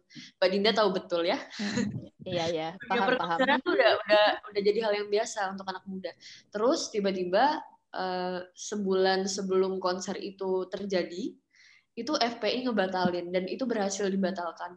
Terus itu benar-benar apa ya orang-orang yang suka Lady Gaga tuh rame banget sampai foto Lady Gaga dipakein kerudung, dikasih lom, uh, tom, apa namanya FPI nih tonton nih pakai hijab nih udah gitu. Ah. Dan aku pun aku pun waktu itu ikut ikut kesel gitu, ih kok batal sih gitu. Jadi emang, emang kembali lagi ke kebiasaan ya ketika kebiasaan itu yang sudah merajalela tiba-tiba ditebas hmm. ya akan kaget orang-orang. Jadi solusinya memang harus disamakan sih standarnya. Cuman itulah, itulah yang sedang kita tuju ya insya Allah. Frekuensinya ya. Iya frekuensinya. Frekuensi satuin servernya ya. Iya servernya ya, susah. Mm -mm. Ya sama sih, aku dulu juga gitu yang pas lagi rame-ramenya debat-debat soal Lady Gaga itu, aku yang di pro Lady Gaga waktu itu. Ah, kita satu tim. kita dulu satu tim ya berarti ya. Tahun berapa bayang server? masih satu server waktu itu. Cuman ya memang kebayang maksudnya kalau memang tidak ada perubahan pemikiran, tidak ada yang menyadarkan kita, nggak mungkin kita sekarang duduk di sini dan berada di server yang hari ini gitu kan. Hmm. Makanya memang perlu ada orang-orang yang kemudian masuk datang dengan apa ya dengan pembahasan yang bisa dipahami oleh orang-orang yang kayak kita kita ini gitu orang-orang yang dulu nongkrongnya di konser-konser demennya yang kayak begitu-begitu gitu kan karena kalau tahu-tahu langsung yang seperti itu, ya itu tadi benar kata Dena kaget. Halo ya. Nadia, assalamualaikum. Nadia. Assalamualaikum. Salam. Lagi. Sebentar. Tadi akhirnya ada yang ini mbak, ada yang komen nih dari teman-teman di di kolom komentar butuh penjelasan lebih lanjut soal ideologi dan bahasa. Nah itu kayaknya tadi apa yang sudah kita bahas hmm. maksudnya. Jadi ideologi itu kan ya ibaratnya apa ya sesuatu yang mempengaruhi pola pikir seseorang gitu ya. Akhirnya juga mempengaruhi bahasa yang keluar atau output yang akhirnya dia keluarkan dalam bentuk bahasa tadi itu. Jadi input-input pemikiran pemahaman kan berarti berpengaruh memang ya. Standar tadi juga. Standarnya ya. Emang budayanya paling uh, uh, bahasa itu adalah kata-kata yang dipakai untuk berkomunikasi gitu kan. Sedangkan ideologi itu adalah pemahaman. Artinya output dari bahasa itu uh, berasal juga dari pemahaman. Entah kemudian itu ya kayak tadi kalau yang aku bedah tadi kan dalam dalam artian konteks uh, pengaruh sakofa atau pengaruh ideologi terhadap akhirnya tatanan bahasa suatu peradaban. Kurang lebih kayak gitu ya. Uh, uh. Kayak judul skripsi, Mbak. kayak judul skripsi ya jadi. Teman-teman yang butuh inspirasi nih. Ya, dia ya, aku bisa jadi dosen pembimbing nih. Keinget iklan Blackpink yang buka-bukaan diprotes emak-emak tapi malah sama milenial dibully abis-abisan. Padahal niat ibu-ibu pada baik biar anaknya nggak terkontim kontak. Iya, terkontaminasi barat. Hal yang terjadi sekarang ya, satunya memuja-muja hmm. barat, satunya nggak nggak suka dengan hal yang berhubungan dengan apa ya? Aduh, ini orang jadul banat sih patriarki. Uh, Dan itu itu sering uh, Terus ada juga orang-orang yang memang mencoba untuk mensterilkan pemikiran barat sama kita karena sudah memiliki value hmm. yang apa ya? Mungkin standarnya jelas gitu. Hmm. Standarnya lebih jelas gitu. Hmm. Nah, inilah jadi gesek ya, bentrok ya karena perbedaan perbedaan standar itu tadi. Bayang sih kayak ya kayak kita dulu maksudnya yang memang pernah berada di posisi yang sangat menggilai uh, idol tersebut gitu. Terus tiba-tiba ada ibu-ibu ngelarang gitu lu siapa? Mak gue bukan. Orang mak gue aja ngasih uang buat beli konser gitu kan beli tiket gitu. Nah itu kayak gitu pasti gitu kan. Dan bisa, bisa gimana ya? Ya memang perlu jembatan sih. Dan jembatan itu ya perlu bahasa pada akhirnya. Hmm. bahasa yang dipahami oleh orang-orang yang ya posisinya ya kita mengalami lah dulu bener-bener apa ya standarnya beda gitu. Jadi memang perlu penjembatanan Mbak BDW ini Mbak Nadia udah join kita butuh ini juga insight dari emak-emak yang udah punya anak. Aku curiganya Mbak Nadia ini nungguin Ahnaf uh, tidur dulu baru bahas ini karena ada kata-kata yang mungkin tidak pantas untuk didengarkan. Iya ya, jangan-jangan ya. Ibu yang mana sih mana dia hilang lagi ya? Mungkin koneksinya Iya, dia ya. hilang lagi. Oh, Sepertinya itu mungkin tadi kita mem mem membahas kata-kata yang tidak boleh didengar dulu ya. Karena dia tuh takut, takut Ahnaf lihat poster kita loh. Nanti dia huruf J gimana? Belajar baca. An Nanti dulu ah, naf. Anai, anai. Anai. Anai, anai gitu ya. Ya, ya. Jadi, jadi, nah itu dia yang sudah bergabung. Gimana Bu Nadia? Ya sama Mbak, aku juga tak berbackground. Backgroundku adalah coret-coretan Ahnaf ya. Wow, estetik sekali. Gimana, Gimana Bu Nadia? Maaf ya. Gimana Bu Nadia? seorang ibu, Mbak. Terhadap hmm, fenomena dengan... kata ini. Apakah berpengaruh terhadap anak? Apa? Terhadap iya sih banget. Dia tuh ya, kemarin kemarin itu aku lagi bahas sama suamiku ngomongin masalah ini gitu. Hmm. Tadi sudah disebut jelas ya nama judulnya apa? Apa masih masih mengandai-andai orang-orang? aku tuh nggak Nggak apa-apa, kita pakai andai boleh, ansai oh, boleh, oh, gitu. Anhai boleh, anlai boleh, anpai boleh, semuanya boleh. Ini berapa, ini berapa umur berapa ini ke atas ya? Yang nonton nggak? oh gitu.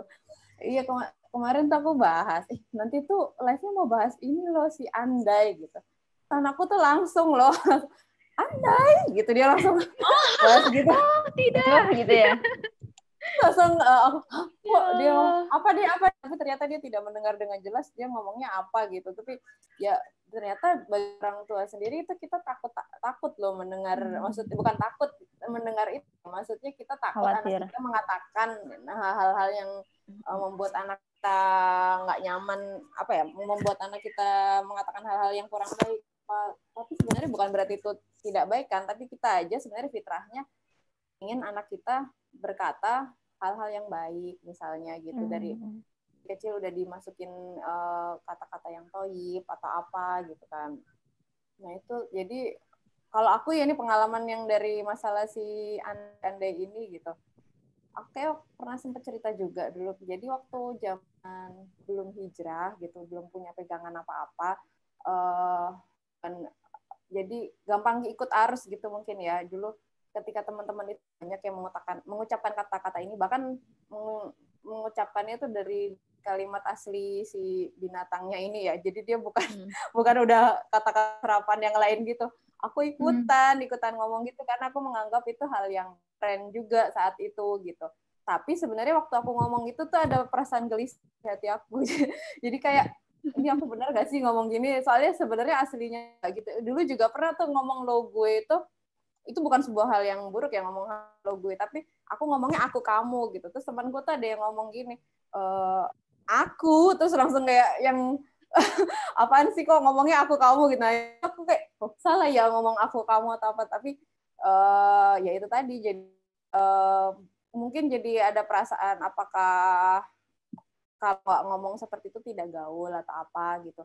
Jadinya aku ke bawah ikut-ikut gitu ya waktu itu ya tapi setelah hijrah mungkin aku bukan berarti itu buruk ya yang sebelumnya yang kalau yang ini kan si Ande untuk katanya untuk itu ya untuk mengungkapkan rasa uh, kag apa kaget apa kaguman apa? katanya kaguman atau apa gitu kan Uh, tapi dulu begitu yang aku pelajarin waktu itu yang kebetulan ini kok teman-temanku ketika berpindah pindah teman apa ya berteman dengan teman-teman orang yang berbeda waktu itu yang uh, ini mengajak aku pada hal-hal apa belajar belajar hal yang baik waktu itu kok mereka kok ngomonginnya itu ngomongnya lebih ini ya lebih nggak pernah uh, mengucapkan kata-kata itu. Jadi mungkin beda-beda ini aja ngomong itu lagi tanpa sadar gitu. Jadi mungkin itu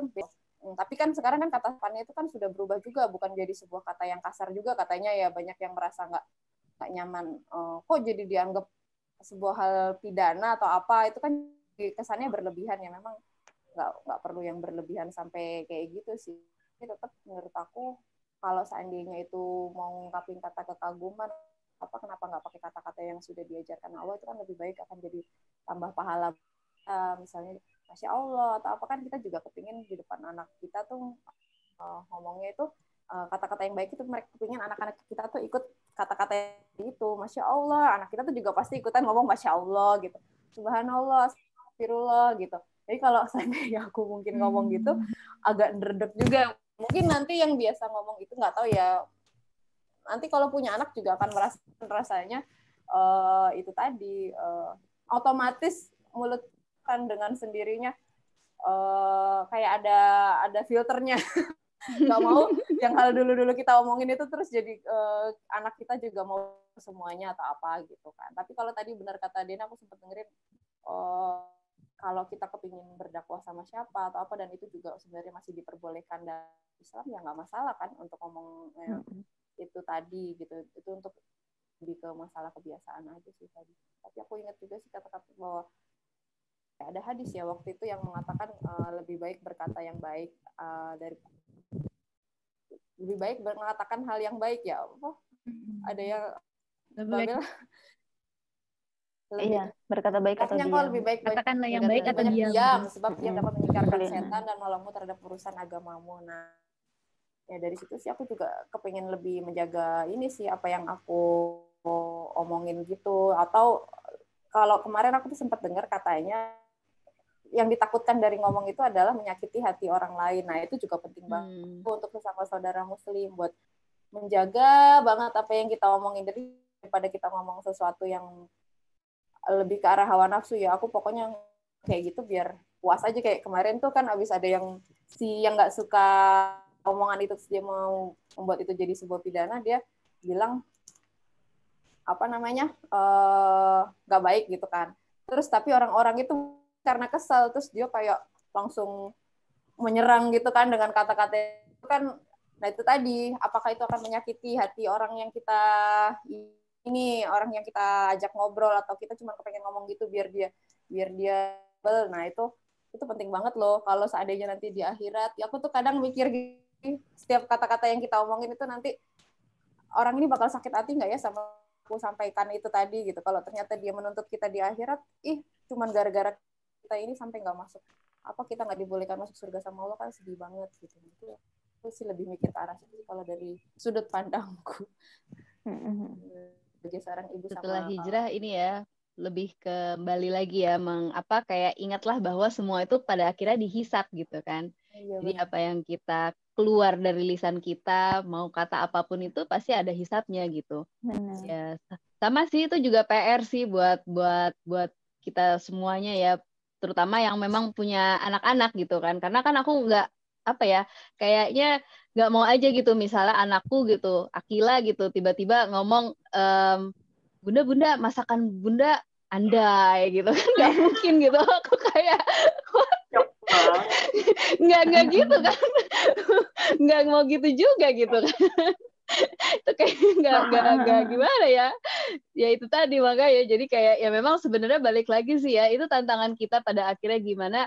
Tadi yang sudah dibahas di awal bahwa sebenarnya harusnya sih kita PR sih ini ya untuk memviralkan kata-kata yang toyib itu gitu. Dan membuat kalau standarnya di masyarakat kalau misalnya kata-kata toyibah itu adalah sesuatu yang kayak dianggapnya nggak gaul, nggak keren atau malah kata hinaan. Nah justru ya memang kita sebagai muslim ya harusnya justru yang menggunakan kata-kata itu dengan kebanggaan dong, dengan pride gitu. Karena kalau nggak itu ya siapa lagi, hmm.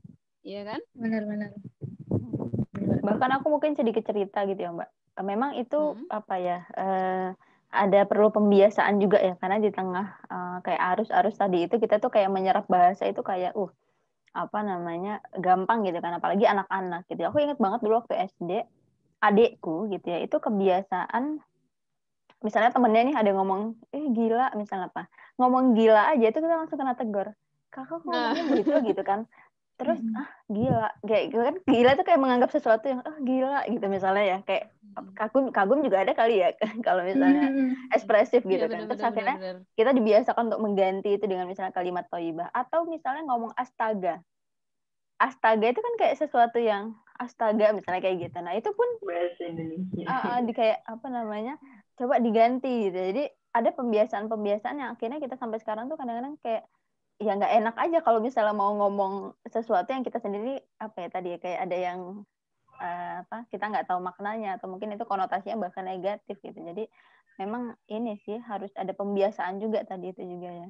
Apalagi orang di mana-mana tadi kan kalau bahkan ada yang komen rasanya kayak nggak bisa kalau nggak ngomong andai gitu ya. Karena udah kebiasaan udah kayak refleks itu bahaya iya, juga sih kebiasaan ya balik lagi ya hmm. karena kayak untuk mengumpat yang keluar kata andai, untuk memuji yang keluar juga kata andai gitu. Karena ya itu memang sih dan itu nggak cuma di bahasa Indonesia aja ya, itu di bahasa Inggris pun juga bahasa-bahasa ungkapan-ungkapan buruk itu pun juga dipakai gitu kan untuk yeah. mengungkapkan kekerenan gitu. Kayak misalnya hmm. kata sick gitu kan. You're so hmm. sick man. Kadang kan itu mengatakan bahwa kamu tuh menjijikan gitu kalau bahasa Inggris yang hmm. artinya menghina. Tapi bisa juga kalau misalnya untuk sesuatu artwork yang keren banget misalnya atau sesuatu yang buatan seseorang itu terus yang kayak saking orang terkagum-kagumnya you're so sick man. You're so siko siko gitu. Yang sampai kayak gitu-gitu gitu. Tapi kan itu sebenarnya dari satu kata yang sama. Yang sama-sama artinya sick gitu kan Hmm. Ya sama kondisinya ya jadi kayak kita sekarang gitu. Jadi hmm. untuk kata yang buruk pakainya kata itu juga, untuk yang memuji pakainya itu juga gitu. Hmm. Padahal sebenarnya ya gampang sih solusinya kalau mau ya pakai kata-kata kalimat toibah yang sudah diajarkan Allah itu mah jelas gitu ya. benar-benar lebih gampang ya, gitu. Cuman, uh, cuman itu dia Mbak. Uh, ini kan jadi hal yang heboh banget, viral banget karena ada upaya untuk uh, wacana untuk mempidanakan. Ah, iya, nah, iya. itu dipandang yang sebagai hal yang apa ya sangat berlebihan gitu loh. Kalau menurut sebagian kalangan ya, karena ya tadi kalau akan kemudian kita lihat bahwa ya tergantung pada konteksnya tapi sekali lagi bahwa kalau ada pilihan untuk bisa membiasakan hal yang baik ya kenapa nggak ambil opsi yang itu loh? Kenapa harus berada pada yang kata-kata ataupun kalimat yang abu-abu? Tapi uh, mbok ya kalau misalkan sampai dipidana itu juga kan lucu nanti isinya apa namanya isinya penjara itu kalau misalkan uh, ah, orang yang kenapa masuk penjara? Uh, uh, aku habis mencuri yang satu pembunuh yang satu gara-gara ngomong gara-gara ngomong andai andai itu. Gitu kan? Yang satu gara-gara nge-live ya? Uh, uh, nah yang satu iya. gara-gara nge-live Instagram nggak izin gitu kan? Lucu jadinya. Nah jadi kan kalau misalkan kemudian kita lihat uh, kok persoalan bangsanya kita ini banyak banget sebenarnya, tapi kenapa kita ke distrak sama hal-hal yang sebenarnya itu nggak perlu yang sampai segitunya gitu loh. Akhirnya skala prioritasnya kita dalam mengenangani masalah bangsa ini nggak nggak nggak runtut gitu. Apa yang penting dan urgent, malah kemudian justru terkesan terabaikan ya. Contoh misalkan mungkin ya penanganan uh, masalah penanganan pandemi gitu ya, yang hari ini ya ya kayak gimana ya? Kalau misalkan mau curhat tuh kayak ya Allah mengenaskan banget penanganannya ya kayak gitu-gitu aja gitu ya. Yang tiap hari itu bahkan peningkatannya udah sampai tiga ribuan kasus gitu. Belum lagi misalkan kayak kasus uh, omnibus law atau misalkan kayak kasus korupsi misalkan juga kasusnya jaksa pinangki atau eh, persoalan-persoalan problematika yang sebenarnya harusnya kita ini para milenial harusnya lebih heboh lebih apa ya lebih perhatian uh, dibandingkan dengan hal-hal yang kita ke distrak uh, persoalan-persoalan kayak ginian gitu loh. Nah itu yang uh, jadi hal satu hal yang muhasabah sih bagi kita bahwa hmm. banyak kok sebenarnya persoalan bangsa yang mesti disoroti kok kemudian sampai yang mau dipidanakan itu hal-hal yang bisa dikatakan ini uh, kalau dibandingkan dengan persoalan-persoalan lain yang persoalan masalah kata andai ini itu tergolong persoalan yang receh dibandingkan dengan misalkan kekerasan verbal ataupun hal-hal yang uh, lain yang misal permasalahan-permasalahan lain yang misalkan mengenai uh, anak-anak Indonesia saat ini ada persoalan stunting, kekurangan gizi, hmm. ada persoalan kekerasan uh, seksual di kalangan anak-anak juga tinggi dan seterusnya itu kan yang harusnya juga jadi satu bentuk pembahasan fokus utama ya dibandingkan dengan hanya sekedar uh, mempersoalkan atau mempermasalahkan uh, persoalan uh, kata andai ini gitu meskipun KPI itu sendiri sih ya aku lihat dari berita-berita yang ada juga belum sampai pada tataran memfonis juga sih, masih dalam tataran hmm. mengkaji gitu ya. Jadi kita juga tidak bisa kayak lebay banget juga mendekapi KPI yang kayak oh kok kayak gini banget ya mereka juga adalah lembaga yang saat ini punya peranan penting di negerinya hmm. kita cuman itu tadi bahwa kita harusnya sebagai anak-anak muda nih ya ngelihat persoalan masalah bangsanya kita itu lewat pandangan yang skala prioritas yang seharusnya lebih tepat gitu loh untuk misalkan ini membahas hal-hal seperti itu gitu yang juga punya perhatian terhadap hal, -hal seperti itu gitu. Dok, aku rasa sih itu bisa hype banget karena pertama eh karena itu relate sama semua orang. Hmm. Tapi aku yakin tuh nggak akan lama sih hal-hal kayak gini.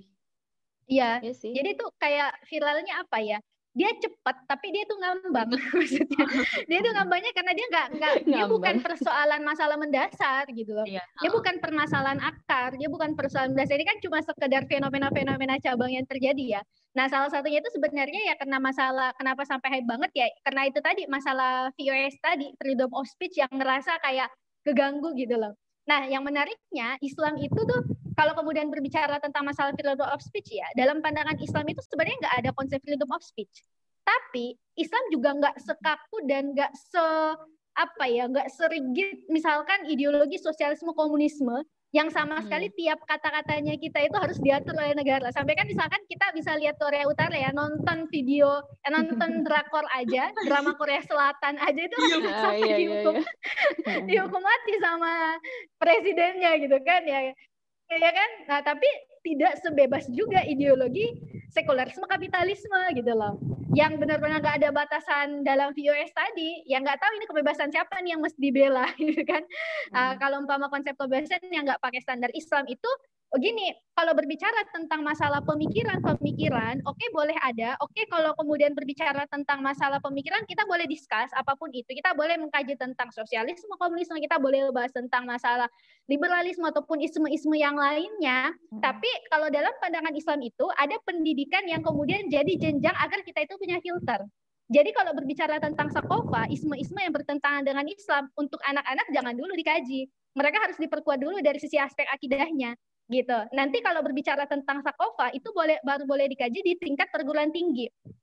Gitu artinya yang sudah matang akidahnya, sudah sudah sudah ada filtrasi pemahaman Islamnya sehingga ketika pun mengkaji pemahaman-pemahaman ataupun pandangan-pandangan yang uh, bertolak belakang dengan Islam itu mampu untuk menempatkannya dengan tepat gitu loh.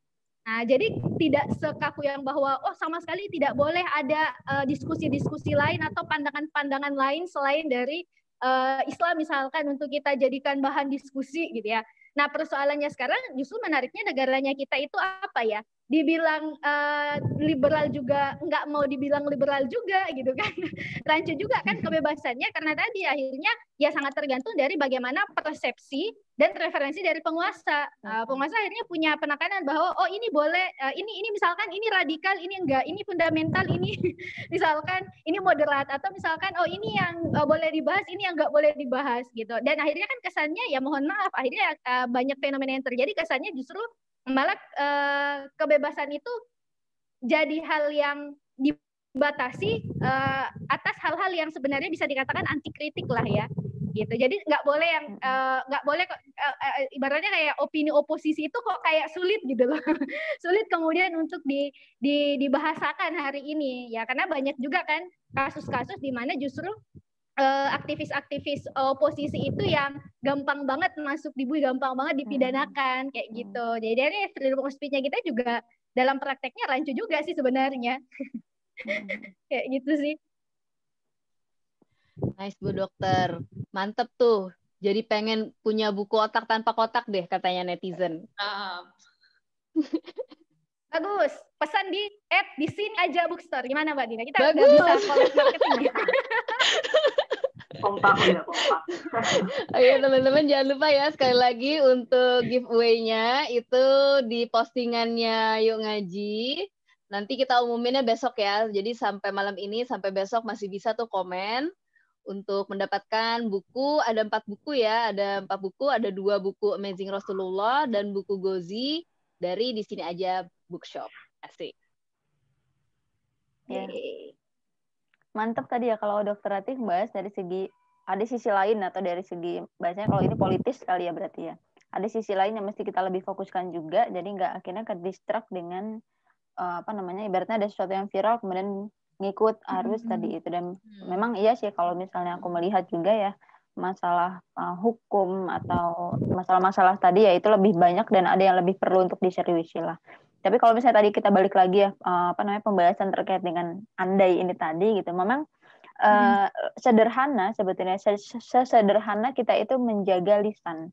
Maksudnya itu kuncinya gitu ya. Jadi kalau tadi udah dibahas tadi ya sama disinggung Mbak Nadia gitu bagaimana kemudian emak-emak ini juga merasa resah ya ketika anaknya itu tiba-tiba nanti kelepasan ngomong apa ya event itu misalnya cuma tadi ya gila atau mungkin apalah gitu. Karena kita lebih ingin mengarahkan ya tadi uh, anak-anak atau ya generasi itu lebih yang keluar itu semua kalimat-kalimat toibah yang itu bisa jadi uh, pahala juga buat dia pahala kebaikan juga. Makanya kalau dalam hal ini tuh ya Rasulullah itu memberikan uh, apa ya ada dua hadis yang yang berkenaan dengan ini yang pertama itu Rasulullah itu memberikan jaminan surga gitu ya bahkan hmm. kepada orang yang bisa menjaga sesuatu di antara dua janggutnya dengan dua kakinya. Maksudnya apa dua janggut itu maksudnya uh, mulut ya, lisan tadi itu. Ya, jadi uh, barang siapa yang bisa menjaga sesuatu yang terletak di antara dua janggutnya dan dua kakinya, maka aku akan berikan jaminan surga. Jadi sampai segitunya. Ya, uh, yang bisa menjaga lisan tadi itu. Kemudian kalau hadis satunya tadi yang juga Mbak Nadia singgung ya. Jadi uh, apa namanya yang barang siapa yang intinya dia itu lebih uh, ya yang beriman kepada Allah dan hari akhir maka hendaknya dia itu uh, berkata baik atau diam nah, gitu. jadi uh, memang perkara lisan itu kan kalau ada ada apa ya peribahasa atau apa sih yang bilang lidah itu tidak bertulang nah ya, justru bener, karena bener. tidak bertulang itu tadi tuh kayak lentur banget ngomong apa aja apa namanya lepas gitu karena justru itu apa namanya mengendalikannya tadi itu mesti ekstra gitu ya. Kadang-kadang kita nggak nggak sengaja ngomong uh, apa ya tadi kelepasan lah ngomong apa pun itu yang ternyata tadi kalau kita balikkan lagi posisi kita sebagai seorang muslim lagi-lagi semua itu akan akan dihisap gitu ya. Akan ada perhitungannya akan ada pertanggungjawabannya. Maka kalau misalnya kita menanggapi fenomena ini tadi gitu ya ngomong andai atau apa kita nggak akan nggak akan ambil pusing karena kita langsung coba luruskan lagi koridor kita gitu ya. E, gimana caranya kita tetap on the track tadi itu coba luruskan ya. Sebisa mungkin apa e, yang keluar dari lisan kita adalah kalimat-kalimat toyibah yang itu bisa jadi pahala bisa jadi doa dan gitu. Soal kemudian tadi kalau misalnya kita ternyata butuh ada pembahasan tertentu untuk bisa fit in dengan e, katakanlah target dakwah kita nah itu juga apa namanya bukan sesuatu yang akhirnya tidak boleh sama sekali tidak. Jadi disesuaikan dengan eh, apa tadi ya orf ya itu ya atau ya target dakwah ya. Kalau jadi ada yang bilang uslub gitu juga, nah itu juga pada intinya ke arah sana. Kalau dari aku. Berarti emang kita tuh harus bisa menempatkan yang baik. Ah betul betul. Nice. Betul betul betul.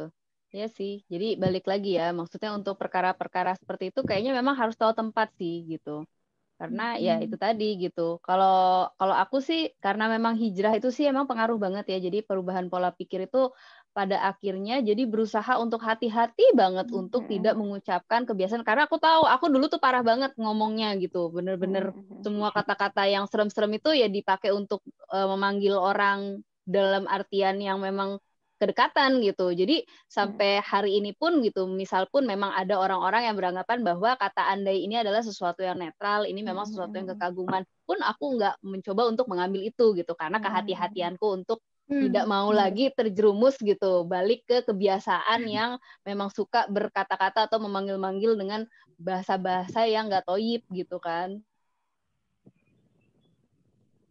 kadang uh, apa namanya situasi kayak gini tuh sering bikin bingung gitu mbak. Bikin bingung orang-orang gitu. Banyak lah bukan kejadian kayak gini aja. Kejadian-kejadian lain pun tuh kayak suka bikin apa ya orang-orang tuh bingung yang benar yang salah yang karena uh, kayaknya hukum di negara ini kan juga bikin bingung gitu. yang benar yang salah tuh yang mana?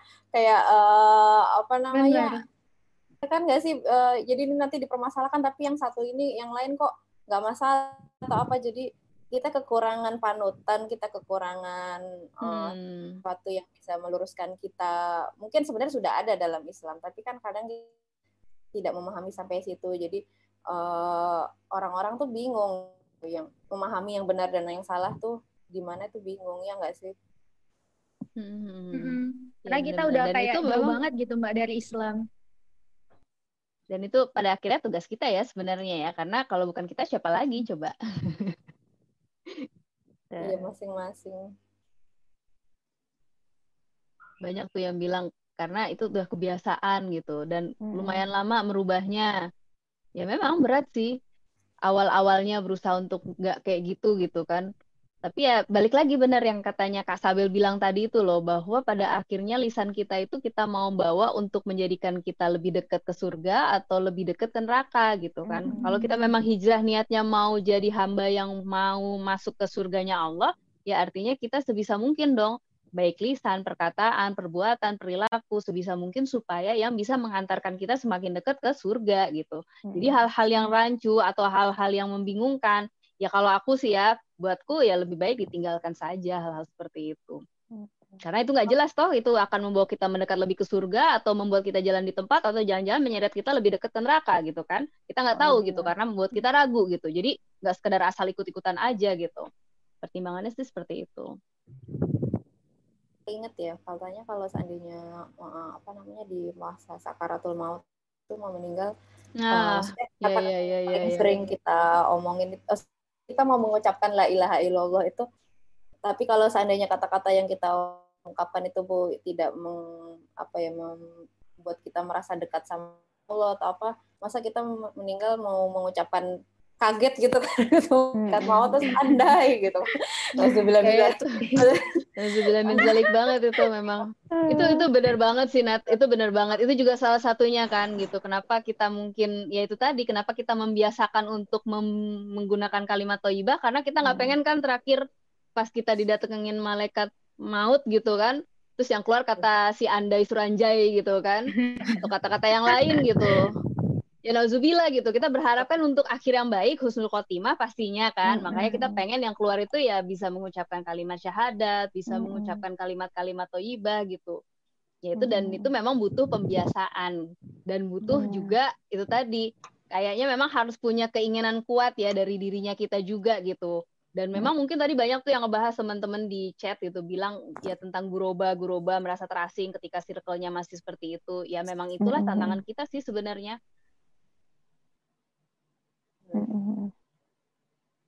Gitu. Kalau udah terbiasa tuh susah sih ngomong.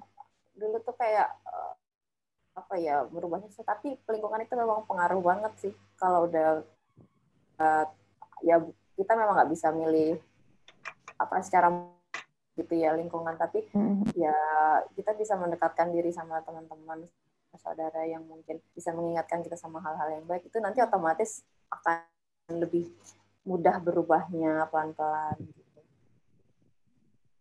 Iya iya, itu Tapi itu kadang-kadang soal lingkungan. Hmm. Kenapa Mbak? Silakan silakan Bu Dokter, silakan Bu Dokter.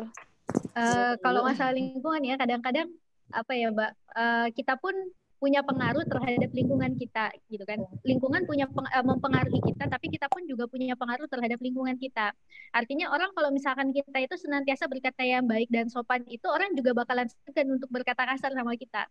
Jadi hmm, misalkan hmm. kayak di uh, Makassar itu kan di Sulawesi Selatan itu mbak kan ada bahasa kayak bahasa Jawa juga sih yang ada bahasa kasar sama bahasa halusnya gitu kan. Kalau umpama bahasa kasarnya itu kan kalau panggil kami itu pakai o ya. Kalau umpama bahasa halusnya itu pakai ki sebenarnya kalau umpama mm-hmm. pakai ki itu uh, lumrahnya ya cuma dipakai kepada orang yang lebih tua gitu ya. Kepada guru orang tua atau kakak.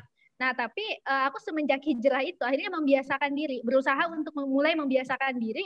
Ya awalnya pakai uh, kok sama teman sebaya gitu kan. Pakai bahasa kasar pakai bahasa hmm. berusaha untuk pakai ki gitu kan. Karena itu tadi uh, aku ngelihatnya teman-teman yang juga ngaji itu ngomongnya juga begitu uh, guru ngajiku juga ngomongnya sopan. Padahal dia lebih tua daripada aku gitu kan. Tapi hmm. ngomongnya itu ngomong ngomong pakai bahasa halus ke aku gitu kan. Jadi aku lihat hmm. oh ternyata orang-orang ngaji tuh pakai bahasanya kayak gitu ya. Awalnya sih sebenarnya kaku gitu ya. Kayak uh, apa sih kayak formal banget.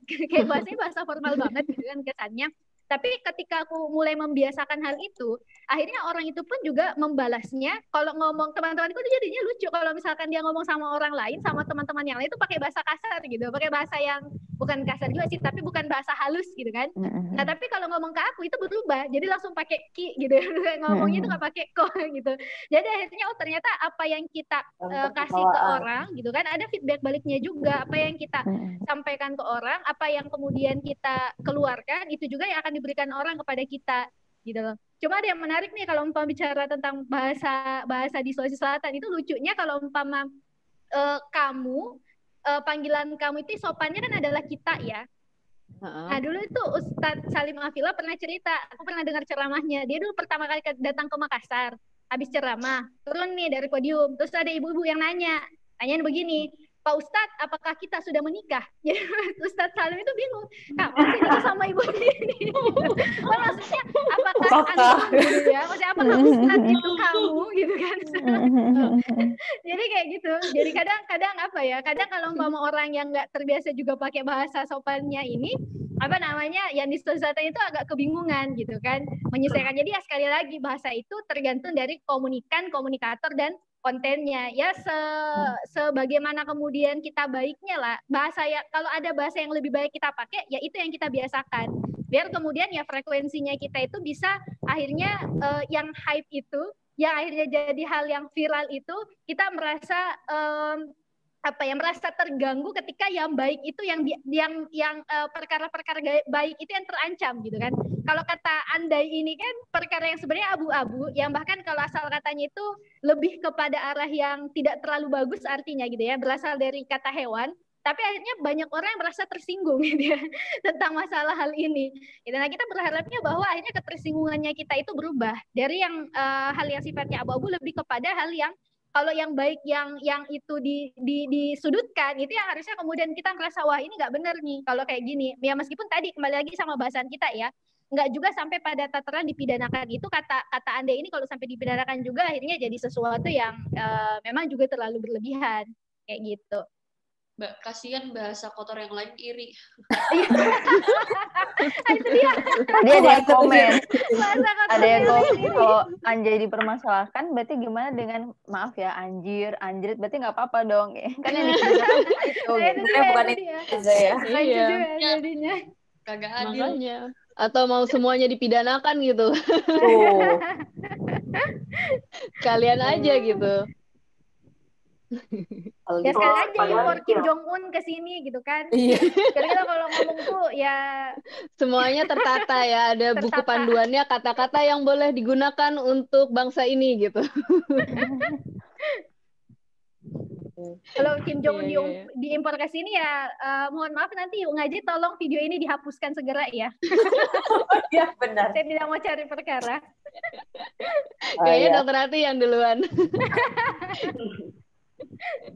Sebi Sebi mau ngomong tadi mbak. Gimana gimana Sebs? Gimana ya, Sebi kalau dalam Islam sendiri tuh kalau misalnya omongan itu kan adalah doa gitu ya. Hmm. sampai pas kalau misalnya aku baca-baca kayak sejarah Rasul kayak gitu. Rasul tuh pas mau lewat suatu lembah terus beliau nanya lembah apa nih namanya? misalnya. Oh lembah ini namanya sempit atau nama kata-katanya tuh nama si lembahnya itu buruk lah gitu. Rasul tuh nggak sampai nggak mau ngelewatin lembah itu gitu. Akhirnya coba cari jalan lain gitu. akhirnya sampai dicari jalan lain oh ini uh, sebutan lembahnya bagus ayo kita lewat jalan sini. Sampai sebegitunya gitu Rasul itu apa ya, kayak detail banget gitu. Tentang sebuah ucapan kayak gitu. Ya beda lah gitu ya jauh sama iya. kita gitu. Kita kalau ngomong ya udah ngomong. Sebegitunya gitu Rasul itu. Coba mungkin Kak Sabel punya apa ya kayak cerita yang lebih luas gitu tentang bahwasanya Rasul tuh kalau misalnya omongan itu benar-benar dijaga gitu karena kan omongan itu doa kayak gitu. Mm-hmm. Uh, mungkin cerita ini kali ya. Uh, ada salah seorang sahabat yang pernah menyebut Bilal dengan sebutan budak hitam. Nah itu Rasulullah langsung marah. Mm-hmm. Ya kemudian kalau nggak salah siapa nama sahabatnya mungkin ada yang tahu ya. Abu Zar atau siapa ya gitu ya. Intinya kemudian apa namanya ditegur sama Rasulullah dalam diri sahabat ini tadi masih ada sifat-sifat jahiliyah. Jadi sampai digituin. Hmm. Karena mungkin memang meskipun itu fakta ya, meskipun itu real, memang apa namanya uh, ya Bilal kan dari suku yang seperti itu, asalnya seperti itu dan sebutannya real gitu ya. Dari budak uh, hitam maksudnya kan gitu. Cuma Rasulullah sampai apa ya ini bahasanya mungkin tadi ya polusi verbal. Jadi ini memang nggak boleh harusnya ngomong seperti ini gitu kan. Jadi diluruskan ya. Aku inget itu sih tadi ceritanya sampai sebegitu menjaganya gitu. Makanya ada ada penyebutan penyebutan ya penamaan penamaan kenapa kemudian Umar Umar Al Faruq Abu Bakar As Siddiq ya? Jadi ada sebutan sebutan yang memang itu lakop ya kalau bahasa Arab itu. Lakop itu julukannya itu julukan yang akhirnya menjadi menjadi doa juga gitu ya buat orang tersebut. Gitu. Oh ya Islam termasuk gitu ya Termasuk ini juga sih sebenarnya penamaan kota Madinah yang dulunya dari Yastrib. kalau yang aku dengar waktu uh, waktu itu jadi nama Yasrib itu diganti gitu karena Rasulullah nggak suka dengan kata Yasrib itu karena konotasinya negatif gitu kan ya sesuatu yang buruk gitu makanya Betul. akhirnya diganti jadi Madinah gitu jadi emang hmm. sampai segitunya ya itu sebuah doa gitu hmm. gitu begitu perhatiannya Rasul pada hal-hal yang seperti itu Makanya kita sebagai umatnya ya seharusnya memang teladan kita ya kita kembalikan lagi semuanya sebagaimana panduan yang sudah Rasulullah tunjukkan. Ya memang berat sih. Tanya nih Mbak. Banget. Mm-hmm. Aku pernah dengar di mana gitu kak, kalau sakaratul maut itu perkataan yang keluar dari lisan kita adalah yang sering kita ucapkan. Gitu. Benar apa enggak? Mm-hmm. Silakan Kak Sabel mungkin mau menjawab. Iya, jadi aku jadi teringat tadi gitu.